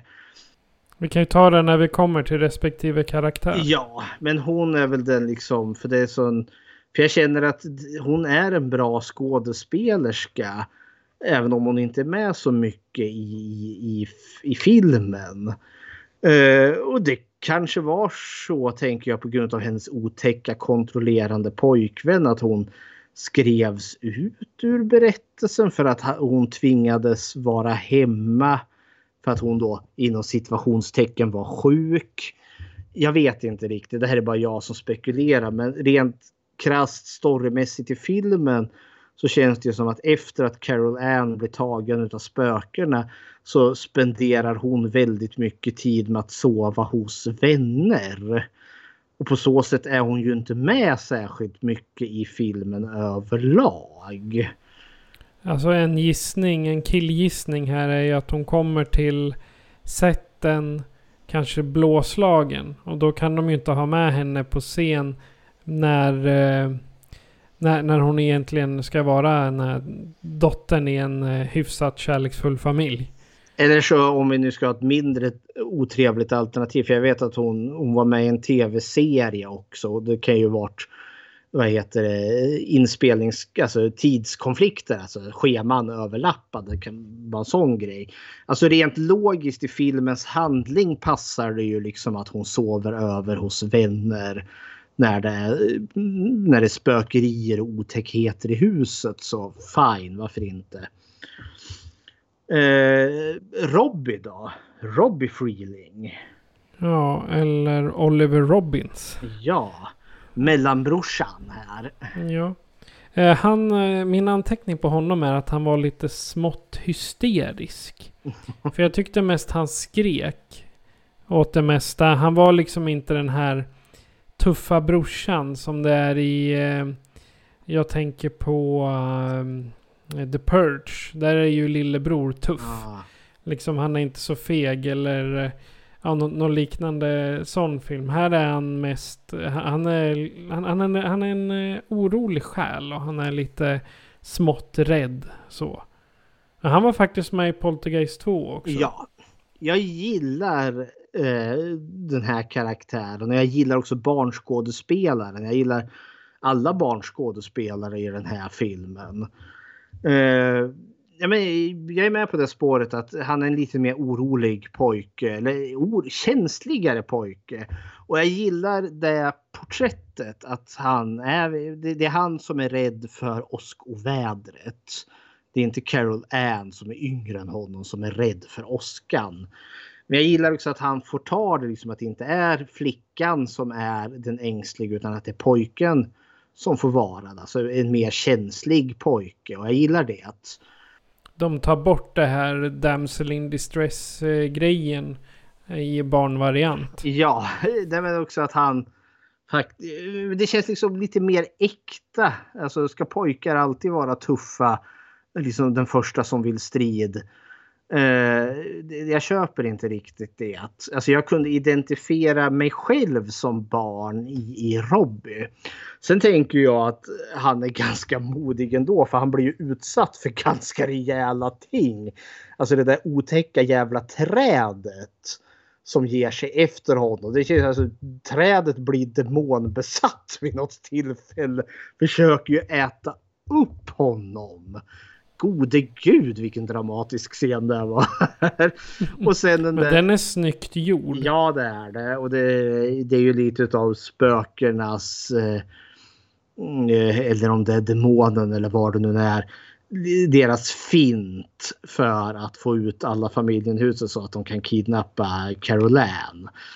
Eh, är ju när det här trädet liksom bara kommer in genom fönstret och drar ut Robbie och sen sakta men säkert försöker äta upp han. Innan en tornado dyker upp och bara suger upp hus, trädet rakt ut i helvetet. Och så också så lite så här, wow, det händer mycket nu.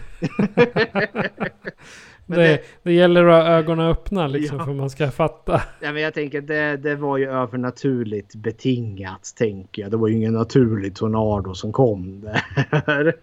nej, det var de goda, de goda själarna som liksom nej, nej, nej, ni ska inte vara så hårda mot dem. Alltså, ja, ja, jag tror inte det. Jag tror det är den onde som gör det här som en manöver, någon form av eh, avledning. Jag sak samma. Men jag tänker att han, han, är ganska härjad den här pojken. Och sen eh, som det inte vore nog med det så får ju han dusten med den här extremt äckliga clowndockan.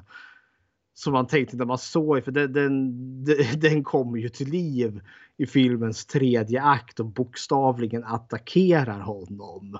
Och då ser den ju äcklig och elak ut. han har fått förändrat utseende. Men bara liksom, när man såg den där dockan för första gången. För jag, jag, såg den här. Jag såg om den här tillsammans med en vän. och min vän sa det, för han hade inte sett den här filmen för, förr. Men när dockan kom upp så sa han, nej men vem fan köper en sån där docka? Docka till ett barn. Den ser ju hemsk ut. Och det gör den också. Det är fan mardrömsmaterial. Men då är det ju också, han ger ju dockan vad han tål. Han får lite smällar och värsta... Mm. Alltså det, han, eh, han ger ju igen för alla gångerna dockjäveln har skrämt honom. Ja, jo, det är väl inte mer än rätt. För dockan hoppar ju bokstavligen på honom. och sliter upp den. I hate you, I hate you, I hate you. Så smack, smack, smack. sliter upp den och drar ut bomullet ur den här hemska dockan.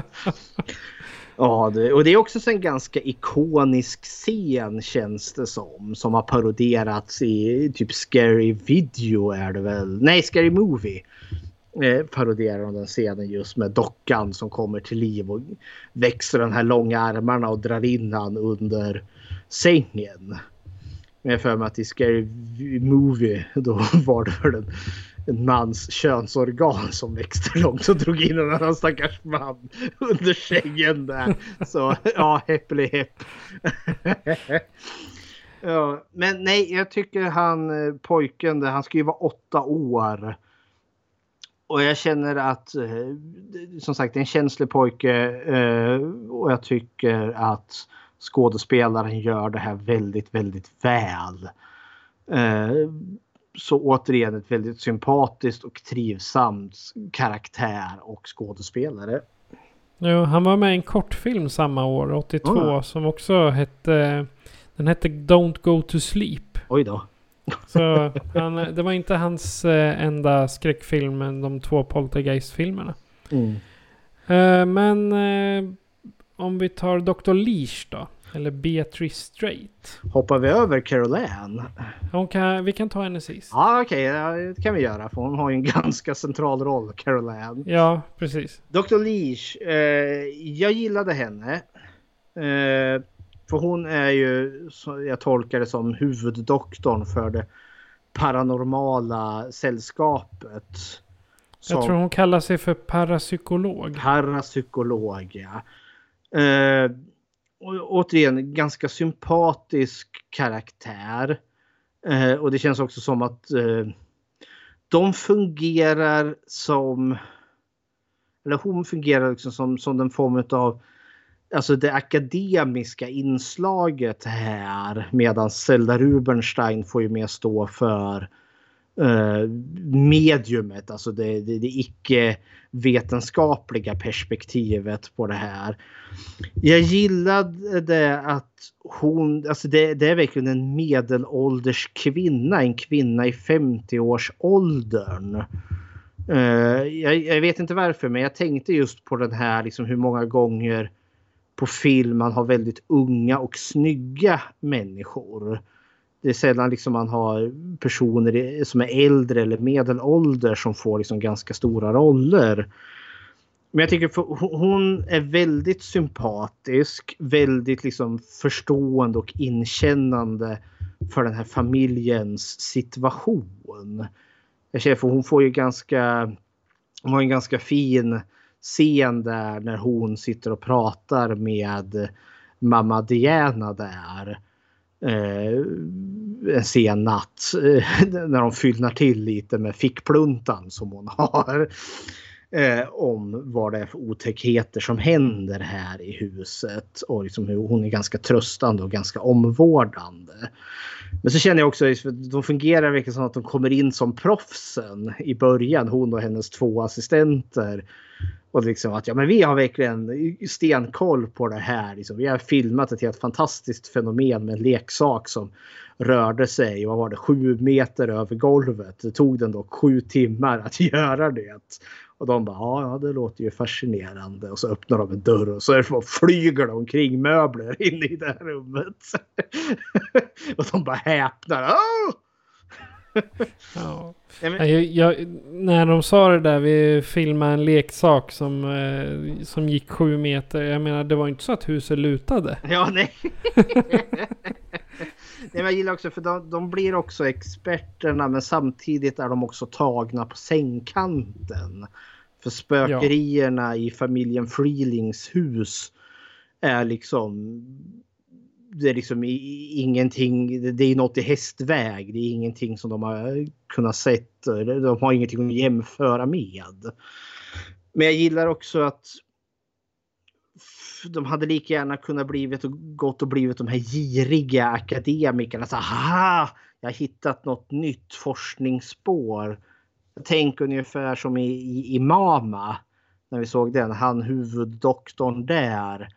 Han blir ju lite för framgångskåt när han tror att han har lyckats hitta ett bevis på att spöken finns där och det kostar ju honom livet. I den här, alltså de hade ju lika gärna kunnat gått på det också. Liksom, Åh herregud, vi kommer bli kända! Det... Eller gjort det till the comic relief, alltså den humoristiska delen. Ja. Men istället så känns det som att de är ju verkligen genuint investerade i den här familjens eh, trångmål. Jag, jag tyckte hon var ett väldigt sympatiskt inslag. ja, och eh, då kommer vi ju till Carol Ann då. Eller Heather O'Rourke. Eller ska vi inte ta, vi har ju de två assistenterna och så har vi ju eh, självaste Zelda, eh, Rubenstein. Som vi jag tänkte Ru Rubenstein kan vi ta sist för hon är liksom bonusen. Men med assistenterna tycker jag är de sitter mest och äter. För jag tyckte de var ganska obetydliga för... De är, visst, de är en del av handlingen men inte li, de gör inte så mycket. Nej, det är Marty och Ryan där. Men alltså... Eh, nej, visst, de är inte centrala på något vis och vänster. Men en, det finns ju en av de mer ikoniska scenerna i den här filmen. Är ju när, jag tror det är han Marty eh, går upp så sent i natten och så blir han ansatt utav spökena. Och han har den här scenen då han bokstavligen sliter ansiktet av sig. Eh, köttbit för köttbit så att det är bara ett skrikande dödskalle. Alltså den scenen sticker ju ut. Alltså det är ju den enda gången i den här filmen då vi verkligen har går och blod. Eh, och det visar sig, det är ju bara en drömsekvens där spökena jävlas lite med honom. Jag tänkte, något, något jag tänkte på den här är ju att Marty är ljushyad, Ryan är mörkhyad. Och det är att Marty är den som försvinner efter den här skräckupplevelsen i spegeln och det, vart, och det är Ryan som stannar kvar det vart lite den här tråden, du vet, the black guy always dies first. Den svarta killen dör först. Nej, inte här utan... Nej, de gjorde en liten omvändning. Ja, och det här är ju inte en sån här film som egentligen har ett kill count. Alltså de här två karaktärerna skulle ju kunna vara en sån. Alltså de, de är såna, alltså kanonmatskaraktärer egentligen. Så de skulle man kunna liksom spökena låta mörda. Men det blir inte så. Istället får vi visserligen den här eh, scenen han sliter av sig ansiktet. Men nej, utöver det så är de verkligen bara sideline karaktärer. Är det nu dags för Carol Ann nu? Ja, det tycker jag. Eller ja. Heather O'Rourke. Vad tycker du om uh, Carol Ann? När jag, när jag antecknade så skrev jag envis unge med stark vilja. Mm. Och något introvert. Jaha, nu får du förklara för mig. för hon har, alltså hon har väldigt, väldigt mycket för sig. Aha. Som eh, mamman, mamman frågar, du vad, vad innebär det där? Och hon hon fortsätter ju bara prata med sig själv och hon mm. lyssnar inte. Oh, ja, ja. Och sen samma sak, hon eh, sätter ögonen rakt mot tv-skärmen och bara stirrar. Oh, ja. Men det är ju för att spökena pratar med henne. Ja, precis. Men det är där jag, jag, jag reagerade lite på. Spökena tar väl, tar väl liksom... Eh, de väljer väl henne för att hon inte riktigt är med i gamet hos de andra. Alltså hon är inte med i den stora gruppen utan hon, är, hon sitter lite i sin egen värld. Ja, det kan jag väl köpa. Jag, jag, jag tror nog inte att hon är så introvert tolkade jag henne aldrig som. Men däremot som jäkligt självständig. Ja, det eh, kanske är det jag tänker på. Ja, kanske det. Men just sådana saker som att när åskovädret drar in så är det hennes äldre bror som kanske mer reagerar som barn skulle reagera. Eh, och hon är inte så bekymrad utav ovädret som drar in. och hon, hon rör sig ganska obehindrat. Hon, det är en tjej som verkar som att hon vet vad hon vill. Och hon blir ju inte rädd när spökena väl börjar prata med henne. Dels förstår vi också att spökena är ju lite luriga. Alltså de, de framställer ju sig för att, att vara snälla. Eh, Medan de egentligen inte är det. Så de lurar ju henne förvisso. Men eh, jag vet inte. Alltså jag, jag tycker att hon, hon, hon, känns som att hon kunde bli som en, den, den, den väldigt stark liten flicka som finns här. Och sen är hon ju så, alltså man dö, jag dog sötdöden när jag såg henne flera gånger. För hon är så dögorar den här lilla tösabiten. Så bara det gjorde också att man vart investerad. Eller jag blev investerad och tyckte liksom att det är fan genuint läskigt när, när spökena väl kommer efter henne.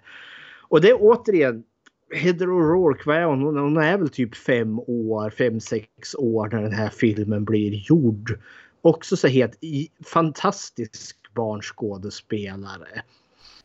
Ja, hon var sex, sex var hon när hon gjorde Poltergeist.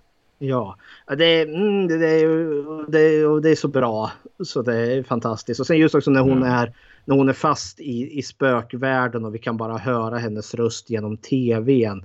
Och hon är så rädd och liksom man hör liksom paniken i henne. Alltså jag blev stressad. För jag kunde leva in mig i den här föräldramardrömmen.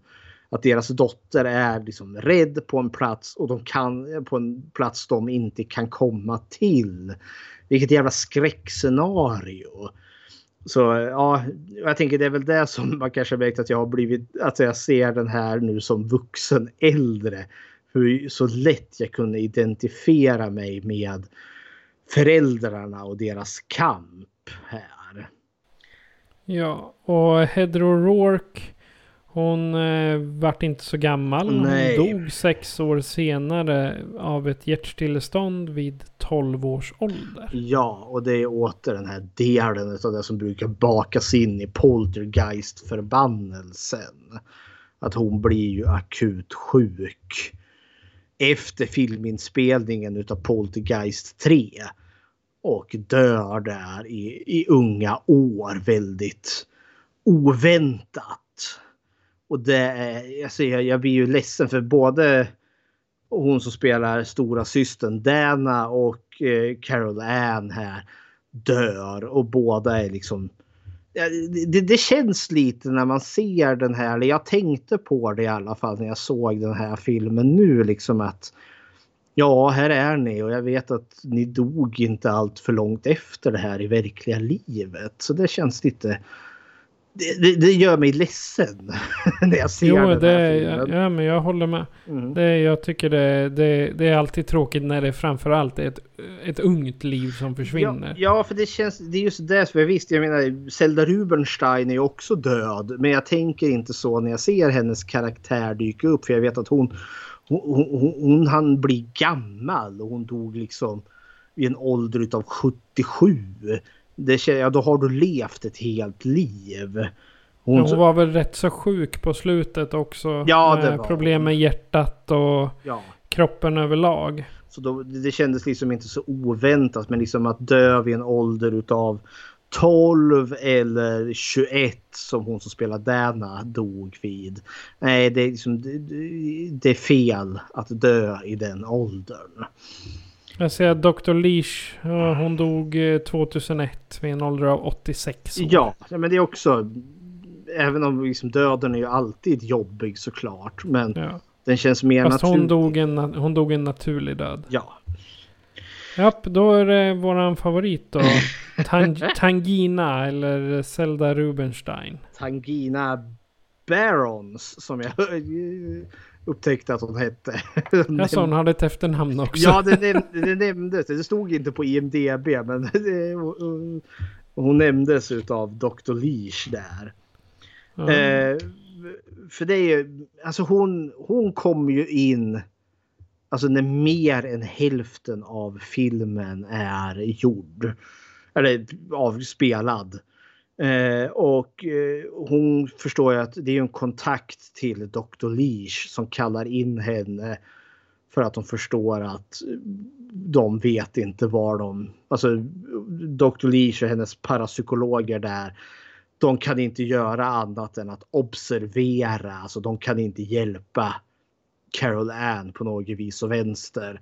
Och då kallas då mediumet Tangina in. För hon är the big guns här nu i kampen mot andarna. Eh, och vi har förstått hon har ju rensat flera hus innan. Så hon, hon är någon form av spökexorcist eller något sånt där. Så, eh, andeutdrivare har jag skrivit ja. som anteckning bara. Ja. Det heter ju inte exorcist men jag skulle gissa på andeutdrivare. Ja. Och sånt. Och det är ju så att eh, ja men hon som, som jag sa tidigare, hon skär scenerna när hon dyker upp. Hon är liksom en sån kraftig liksom, eh, närvaro på henne och jag liksom tycker filmen målar också upp henne som det här. Liksom ja, hon ska ju vara ganska quirky. Hon ska vara konstig. Hon är ett medium. Hon kan till och med läsa tankar. Vi vet att Steven försöker utmana henne vid något tillfälle där, där han när hon ställer en fråga och hon är på övervåningen och så svarar inte han. Och så, ja, så ropar hon igen. Ja, och då svarar han. Och så frågar jag varför svarar du inte henne först? Nej, men jag försökte telepatiskt prata med henne, viskar han. Och så får man höra hur hon ropar där ovanifrån att hon hörde visst. Men hon ogillar att bli testad på prov. Så man liksom, oh, nej, oj, vad händer här? nej, men eh, hon. Hon ska ju vara den här quirkiga människan. Eh, som jag tänker kanske i en annan film skulle liksom också porträtteras liksom som väldigt socialt inkompetent, kanske bara blundrar in liksom it's my way or the highway. Eh, för att de är experter på spökerier. Nu, hon säger ju till och med liksom att du måste lyda mig utan att ifrågasätta ens en gång för hon är experten här. Men samtidigt som hon är det så är hon så enormt empatisk och sympatisk. Att jag liksom, hon framställs inte som att hon vore otrevlig. Utan hon är alltså, en genuint snäll människa känns det som. Men hon besitter en jäkla massa kunskap. Alltså, det känns som att Tangina är nog en person som kollar på människor med vänvilja. Hon, hon, hon, hon, hon talar ju om spökena också som som ganska trevliga. Alltså, det finns värme och omsorg även för dem. Och det är genom henne vi förstår att spökena är ju kanske inte onda. Utan att de snarare... Inte alla i alla Nej, fall. de är ju förledda. Det hörde vi ju i ljudstycket där. Att det finns en ond varelse mitt ibland dem som medvetet håller spökena kvar. There are far worse things waiting man than death. Bara för att citera Dracula. Nej men jag tycker Tangina är ett, eh, alltså återigen, eh, ett, en väldigt liksom trevlig karaktär, alltså sympatisk karaktär. Poltergeist är fullständigt knökfull med enormt sympatiska, empatiska, trevliga karaktärer. Vad är dina tankar kring Tangina? Så Tangina kommer, tycker jag, kommer in som superhjälten. Mm. Det är liksom hon som ska save the day på allting. För det, hon har eh, kunskaperna, hon går runt där och det, man kan ju nästan tycka att hon ser eh, att hon är, ser lite över, överlägsen ut. Att liksom, ja men ni är dumma i huvudet, jag kan allt det här. Men samtidigt så tar hon sig också tid och förklarar vad som händer och varför. Och vad, vad hon tänker göra åt det och vad hon kan göra åt det. Och sen vad, vad de ska tänka på sen efteråt. Och du måste göra det här och som de säger Let's go get your daughter. innan, det, det man ska ha med, ha med sig innan är att hon går ju också igenom och förklarar för mamman och pappan vad som behöver hända. Och vad de ska göra. För eh, det är ju inte bara spökena som har gått vilse där utan det är ju även hennes dotter som inte hittar tillbaka. Och då liksom då slänger de in mamman där att hjälp henne att hitta rätt. Och mycket riktigt då så har hon ju henne med sig när hon kommer ut ur slem, slemdimensionen eller vad man ska kalla det. så att eh, hon, är, hon är med kanske 10 minuter totalt, Rubenstein. Men hon äger det. Mm. Det är den tiden då äger hon allt. Jag skulle nog säga att hon är med 20 minuter i alla fall. Är 20? Okej då. Ja. 10 kändes för lite. Men hon, i en två timmar lång film så är inte den så särskilt stor bit hon är med i. Nej, men jag tycker ändå att det är det som är framsidan på filmen. ja, alltså hon sticker ju ut. Alltså det är en karaktär man kommer ihåg. Helt klart. eh, ska vi gå över till hotet här? Ja, jag tror att hotet är eh, det närmst tillagda. Och jag har två, två saker som jag tycker är hotet. Och dels så är det spökena. Mhm. Och sen är det omgivningen.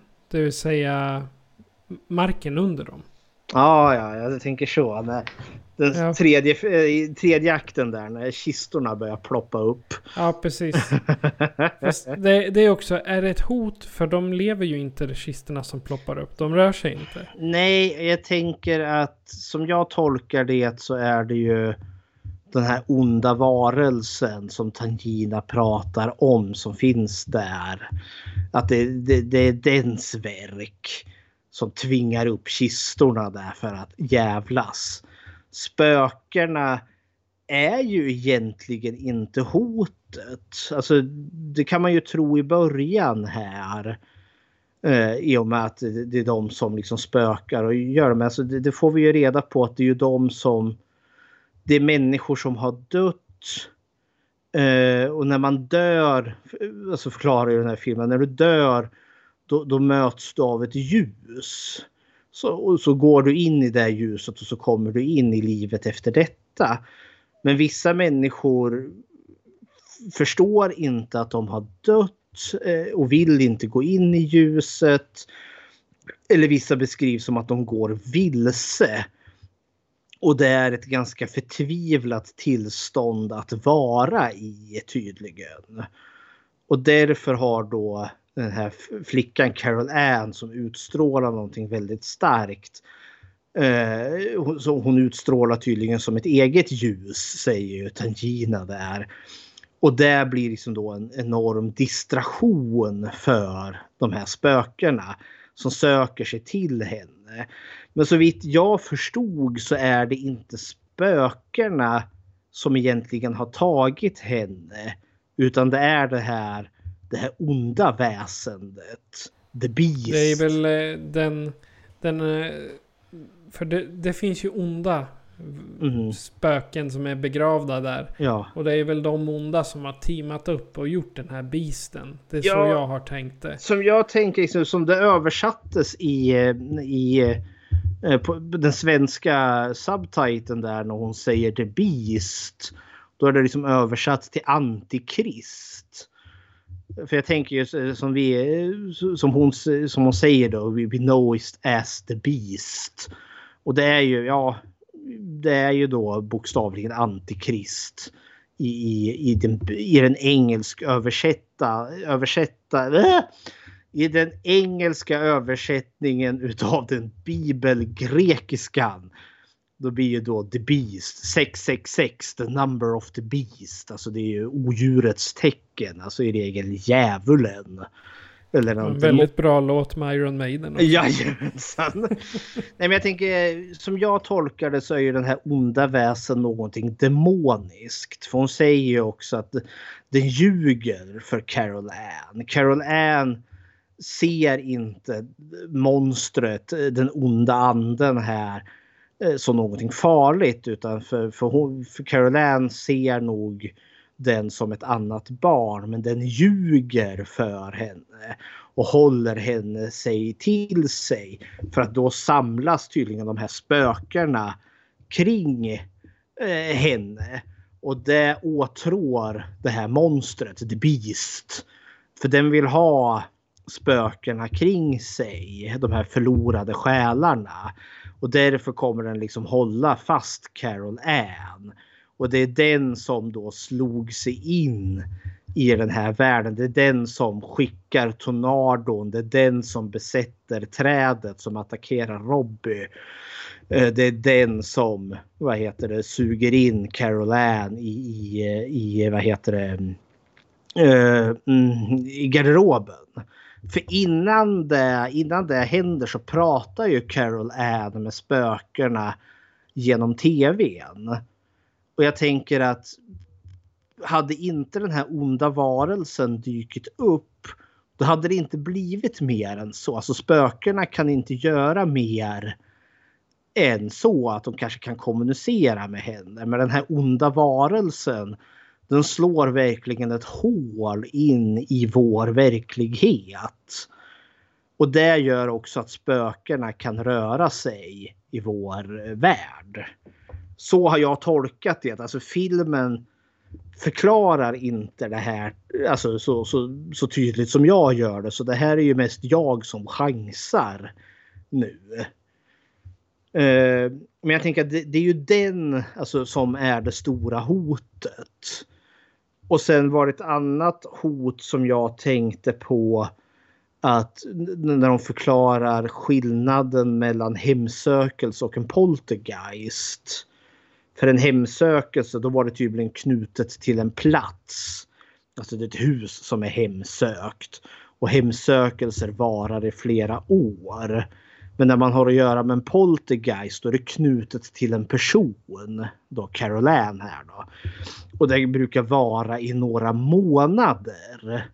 Det betyder också att det finns en kamp emot tiden. Att förr eller senare kommer det här ta slut. Och då är Carol Ann fast i den här spökdimensionen tillsammans, alltså fasthållen utav det här onda väsendet. Eh, tänker jag. Eller om hon dör där inne. Det vet man ju inte heller.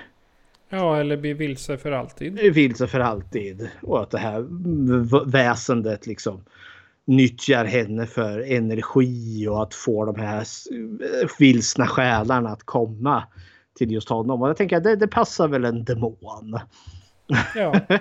ja, typ en demon. Ja, det låter ju logiskt. Ja.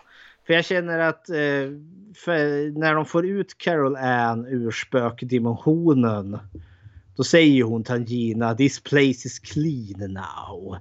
Och det känns som att det var ju lite för tidigt eftersom att det kommer ju tillbaka med buller och med bång i slutet där. Men då har jag tänkt att det är demonen igen, den här onda anden som försöker ta tillbaka Carol Ann. För att eh, den tänker inte ge upp henne så lätt. Uh, Då är ju frågan vem, vem det är. Ja, det får vi Den onda anden. Man får ju aldrig veta det. Inte i den här I... filmen. Nej, precis. Jag tänkte säga det. Du får inte veta det i den här filmen. Men i film nummer två får vi ju bokstavligen ett ansikte och ett namn på, den, på vad det är som har legat här och lurat. Men eh, det, dit kommer vi i nästa avsnitt. Ja. Då vi pratar om film 2 och 3.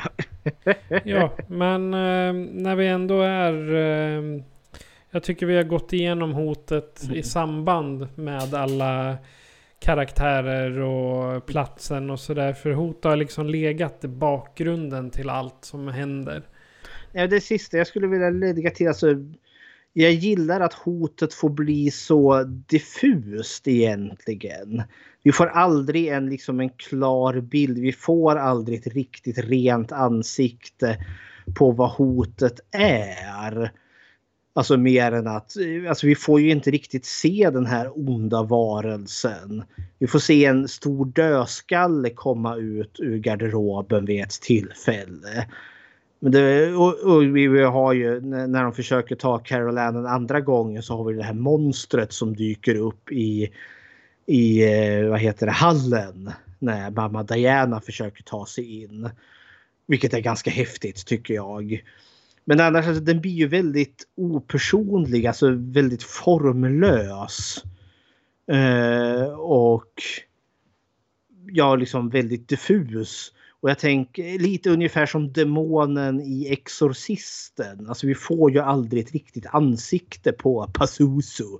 Vi får inte ens namnet på demonen för film nummer två. Eh, medans, och, och, det funkar till filmens fördel. Alltså det gör hotet läskigare. Att jag inte riktigt blir klar på vad är det egentligen som spökar i deras hus.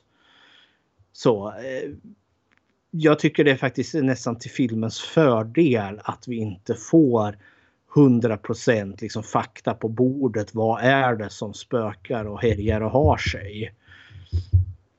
Men visst, tvisten på slutet är ju... Vad är det? Huset är ju byggt på en kyrkogård. Eh, det visar ju sig att det låg en kyrkogård där och Steves chef sa ju att ja, de har gjort det förut. De ska ju bygga på en ny kyrkogård.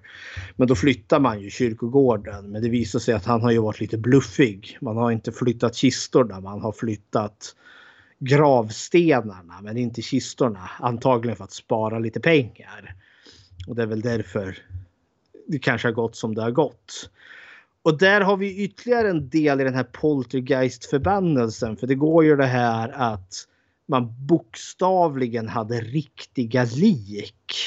Alltså skeletten där som dyker upp i, i eh, poolen. Bland annat. Att det inte är proppskelett då. Utan att det ska vara riktiga skelett. Är det något som är bekräftat eller är det bara påhittat? Jag vet inte. Jag försöker tänka liksom. Vart tusan hakar tar man vägen om du vill köpa ett riktigt lik? Eller jag har ju svårt att se att man plundrade en grav eller gick ut på en kyrkogård. Jag behöver Steven Spielberg blurtar ut. Gräv upp några lik här. Jag vill ha det till min film. Det känns orimligt. Men jag vet inte. kan det vara så att de har byggt upp någon mytos själva? Ja varför inte? Det kan ju vara en del i den här poltergeist-förbannelsen att det liksom, de använder sig riktiga lik och nu nu får de sitt straff här då. Det är därför folk dör i verkliga Exakt. livet. Det, det, känns lite som att det är för att sälja in filmen. Ja, jag, jag tror nog att eh, det här kom ju efter att filmen var gjord. Men visst, det, det, det, har väl inte skadat marknadsföringen av den. inte för fem öre. Okej, dina slutgiltiga tankar. Vad skulle det vara? Det här tycker jag är en av de här liksom för mig alltså riktiga höjdarskräckfilmerna som rör sig i samma genre som Hajen, Exorcisten, När lammen tystnar. Alltså en sån riktig mästerverk full pott.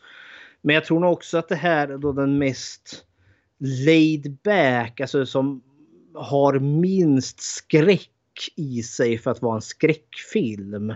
Alltså det, det är så mycket mer ett, liksom ett familjedrama med övernaturliga inslag.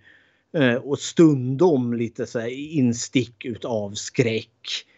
Alltså det är mycket mindre skräck i den här filmen än vad det är i Hajen tycker jag. Eh, alltså det finns en stor mysfaktor i den här filmen. Eh, och det känns som att Steven Spielbergs anda vilar ganska tungt över den här fast på ett väldigt positivt sätt. Och det är ju värt att notera att det är ju Toby Hooper som har regisserat alltså Motorsågsmassakern, Toby Hooper.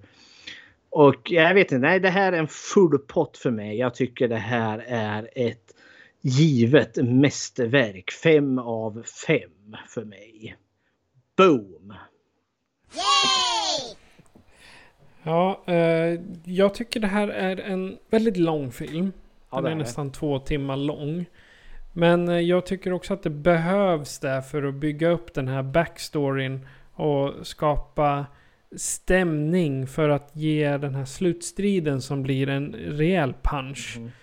Och det gör ju liksom att hela familjen blir involverad. Det, det är så många karaktärer som påverkas av allting som händer och så många karaktärer som agerar på det. Jag menar det är ju inte bara pappan eller bara mamman som deltar i slutstriden där utan det är ju både mamman och pappan och sonen han boxar järnet ur en eh, docka.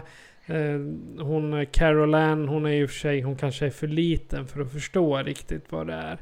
Men oavsett vilket så det här är något som passar alla i familjen. Och då inte... Och då, då menar jag alltså även vi människor som tittar på filmen. Då, då, du, du kan ha med pappa och mamma eller mormor och morfar och se den här. Och de kanske ser själva dramat medan du ser skräck, eh, skräcken eller Ja, sen kanske din lilla, ditt lilla syskon går och gömmer sig under sängen efter. Men det, ja. Nej, det här är en riktigt bra film. Det är fem av fem för mig med. Mm. Och det hör till en av mina fa absoluta favoriter. Ja, och den är ju så ofantligt karaktärsdriven. Jag tänkte det här nu när du beskrev att, just som att det är en lång film. Och det slår ju mig att det tar ju nästan en hel halvtimme innan spökena tar Carol Ann. Det är en riktig slow burn till film. Ja, eh. för eh, uppåt 60 minuter in i filmen tror jag man kan man, tryck, kan man tycka att den, den sista kampen är, är på gång. Men så är det ju faktiskt inte. Utan det är liksom bara ett, en mellanakt där. Och sen kommer den här det är ju nästan 40 minuter de bråkar med spöken. ja. Nej, men jag, jag tycker och det... För det är verkligen inte en sån här insidious där du verkligen har en jump scare var tionde minut. Utan att den här är ju verkligen... Ja, den, den drivs långsamt framåt vilket gör väl att den tredje akten blir så mycket mer spektakulär när det är liksom spökfest galor där på slutet. Ja, jag slängde ut en liten eh, fråga här vad, vad folk tycker om Poltergeist 1982 i gruppen Passion för skräck på Facebook. Mm. Så jag har några korta kommentarer. Eh, mysig känsla genom hela filmen och för den tiden grymma effekter. Men jag har svårt att tro att den skrämmer 90-talisterna och de som är yngre. Uh, första halvan är riktigt bra men när mediet med heliumrösten dyker upp kraschar filmen. ja, det är, då filmen blir jättebra. ja. Um, sen var det någon utmärkt film. Jag har sett uppföljarna men av någon anledning minns jag ingenting alls från dem. Mm. Så det är, det är några kommentarer som har kommit in som jag tyckte var roliga. Då har du gjort något Bechteltest? Det har jag. Eh, och eh, Bechteltestet är om kvinnlig representation i film. Eh, och, eh, och vi har ju en tes att skräckfilmer är de som fyller det här bäst. Och det består av tre frågor. Ett, Finns det mer än två namngivna kvinnliga karaktärer? Två, Möter de någonsin varandra? Och tre, Om de gör det, talar de om någonting annat än män? Och kvinnliga namngivna karaktärer, det har vi gott om i den här. Vi har ju Diana Freeling eh, och vi har stora syster Dana Freeling. Vi har lilla syster Carol Ann. Vi har Dr. Leash och så har vi ju Tangina själv där. Eh, möter de någonsin varandra? Jag tror att alla karaktärer möter, alltså alla kvinnliga karaktärer möter varandra Förutom Dana Freeling. Hon är den enda som inte möter Tangina. Eh, men alla andra kvinnliga karaktärer möter varandra. Och alla kvinnliga karaktärer pratar med varandra. Och det är inget skvaller om män utan det är ju väldigt mycket om spökena, om situationen och hur man löser det här. Så Poltergeist klarar Bechteltestet med, eh, med bravur.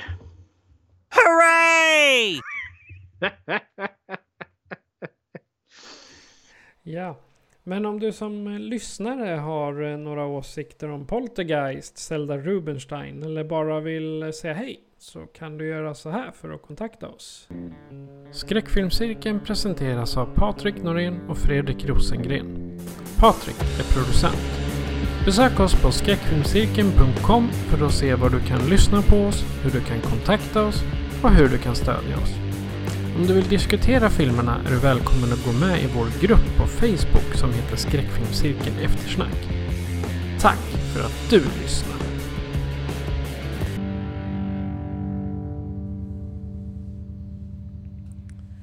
Och Fredrik, nästa avsnitt, vad får vi då?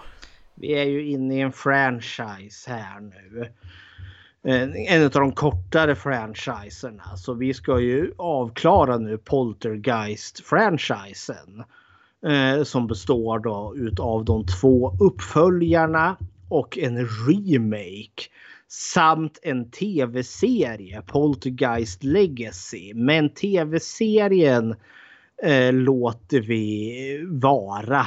För det är fyra säsonger och det blir för mycket helt enkelt. Plus också att tv-serien är mest bara förknippat i namn, alltså Poltergeist. Än vad den är i, i storymässigt. Den eh, påminner mer om tv-serien Supernatural än något annat. Men så nästa avsnitt avhandlar vi då Poltergeist-trilogin. Film 2 och 3. Okej, då har vi bara en sak kvar att säga och det är att jag heter Patrik. Och jag heter Fredrik. Bu på er. Gud så läskigt. Hej då!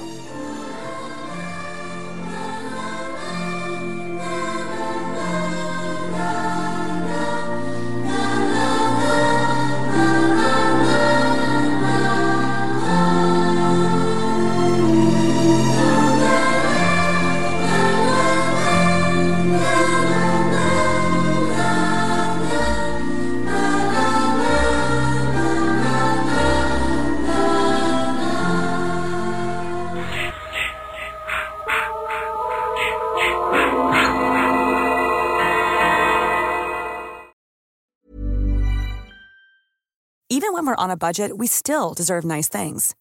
Quince is a place to scoop up stunning high-end goods for 50 to 80% less than similar brands.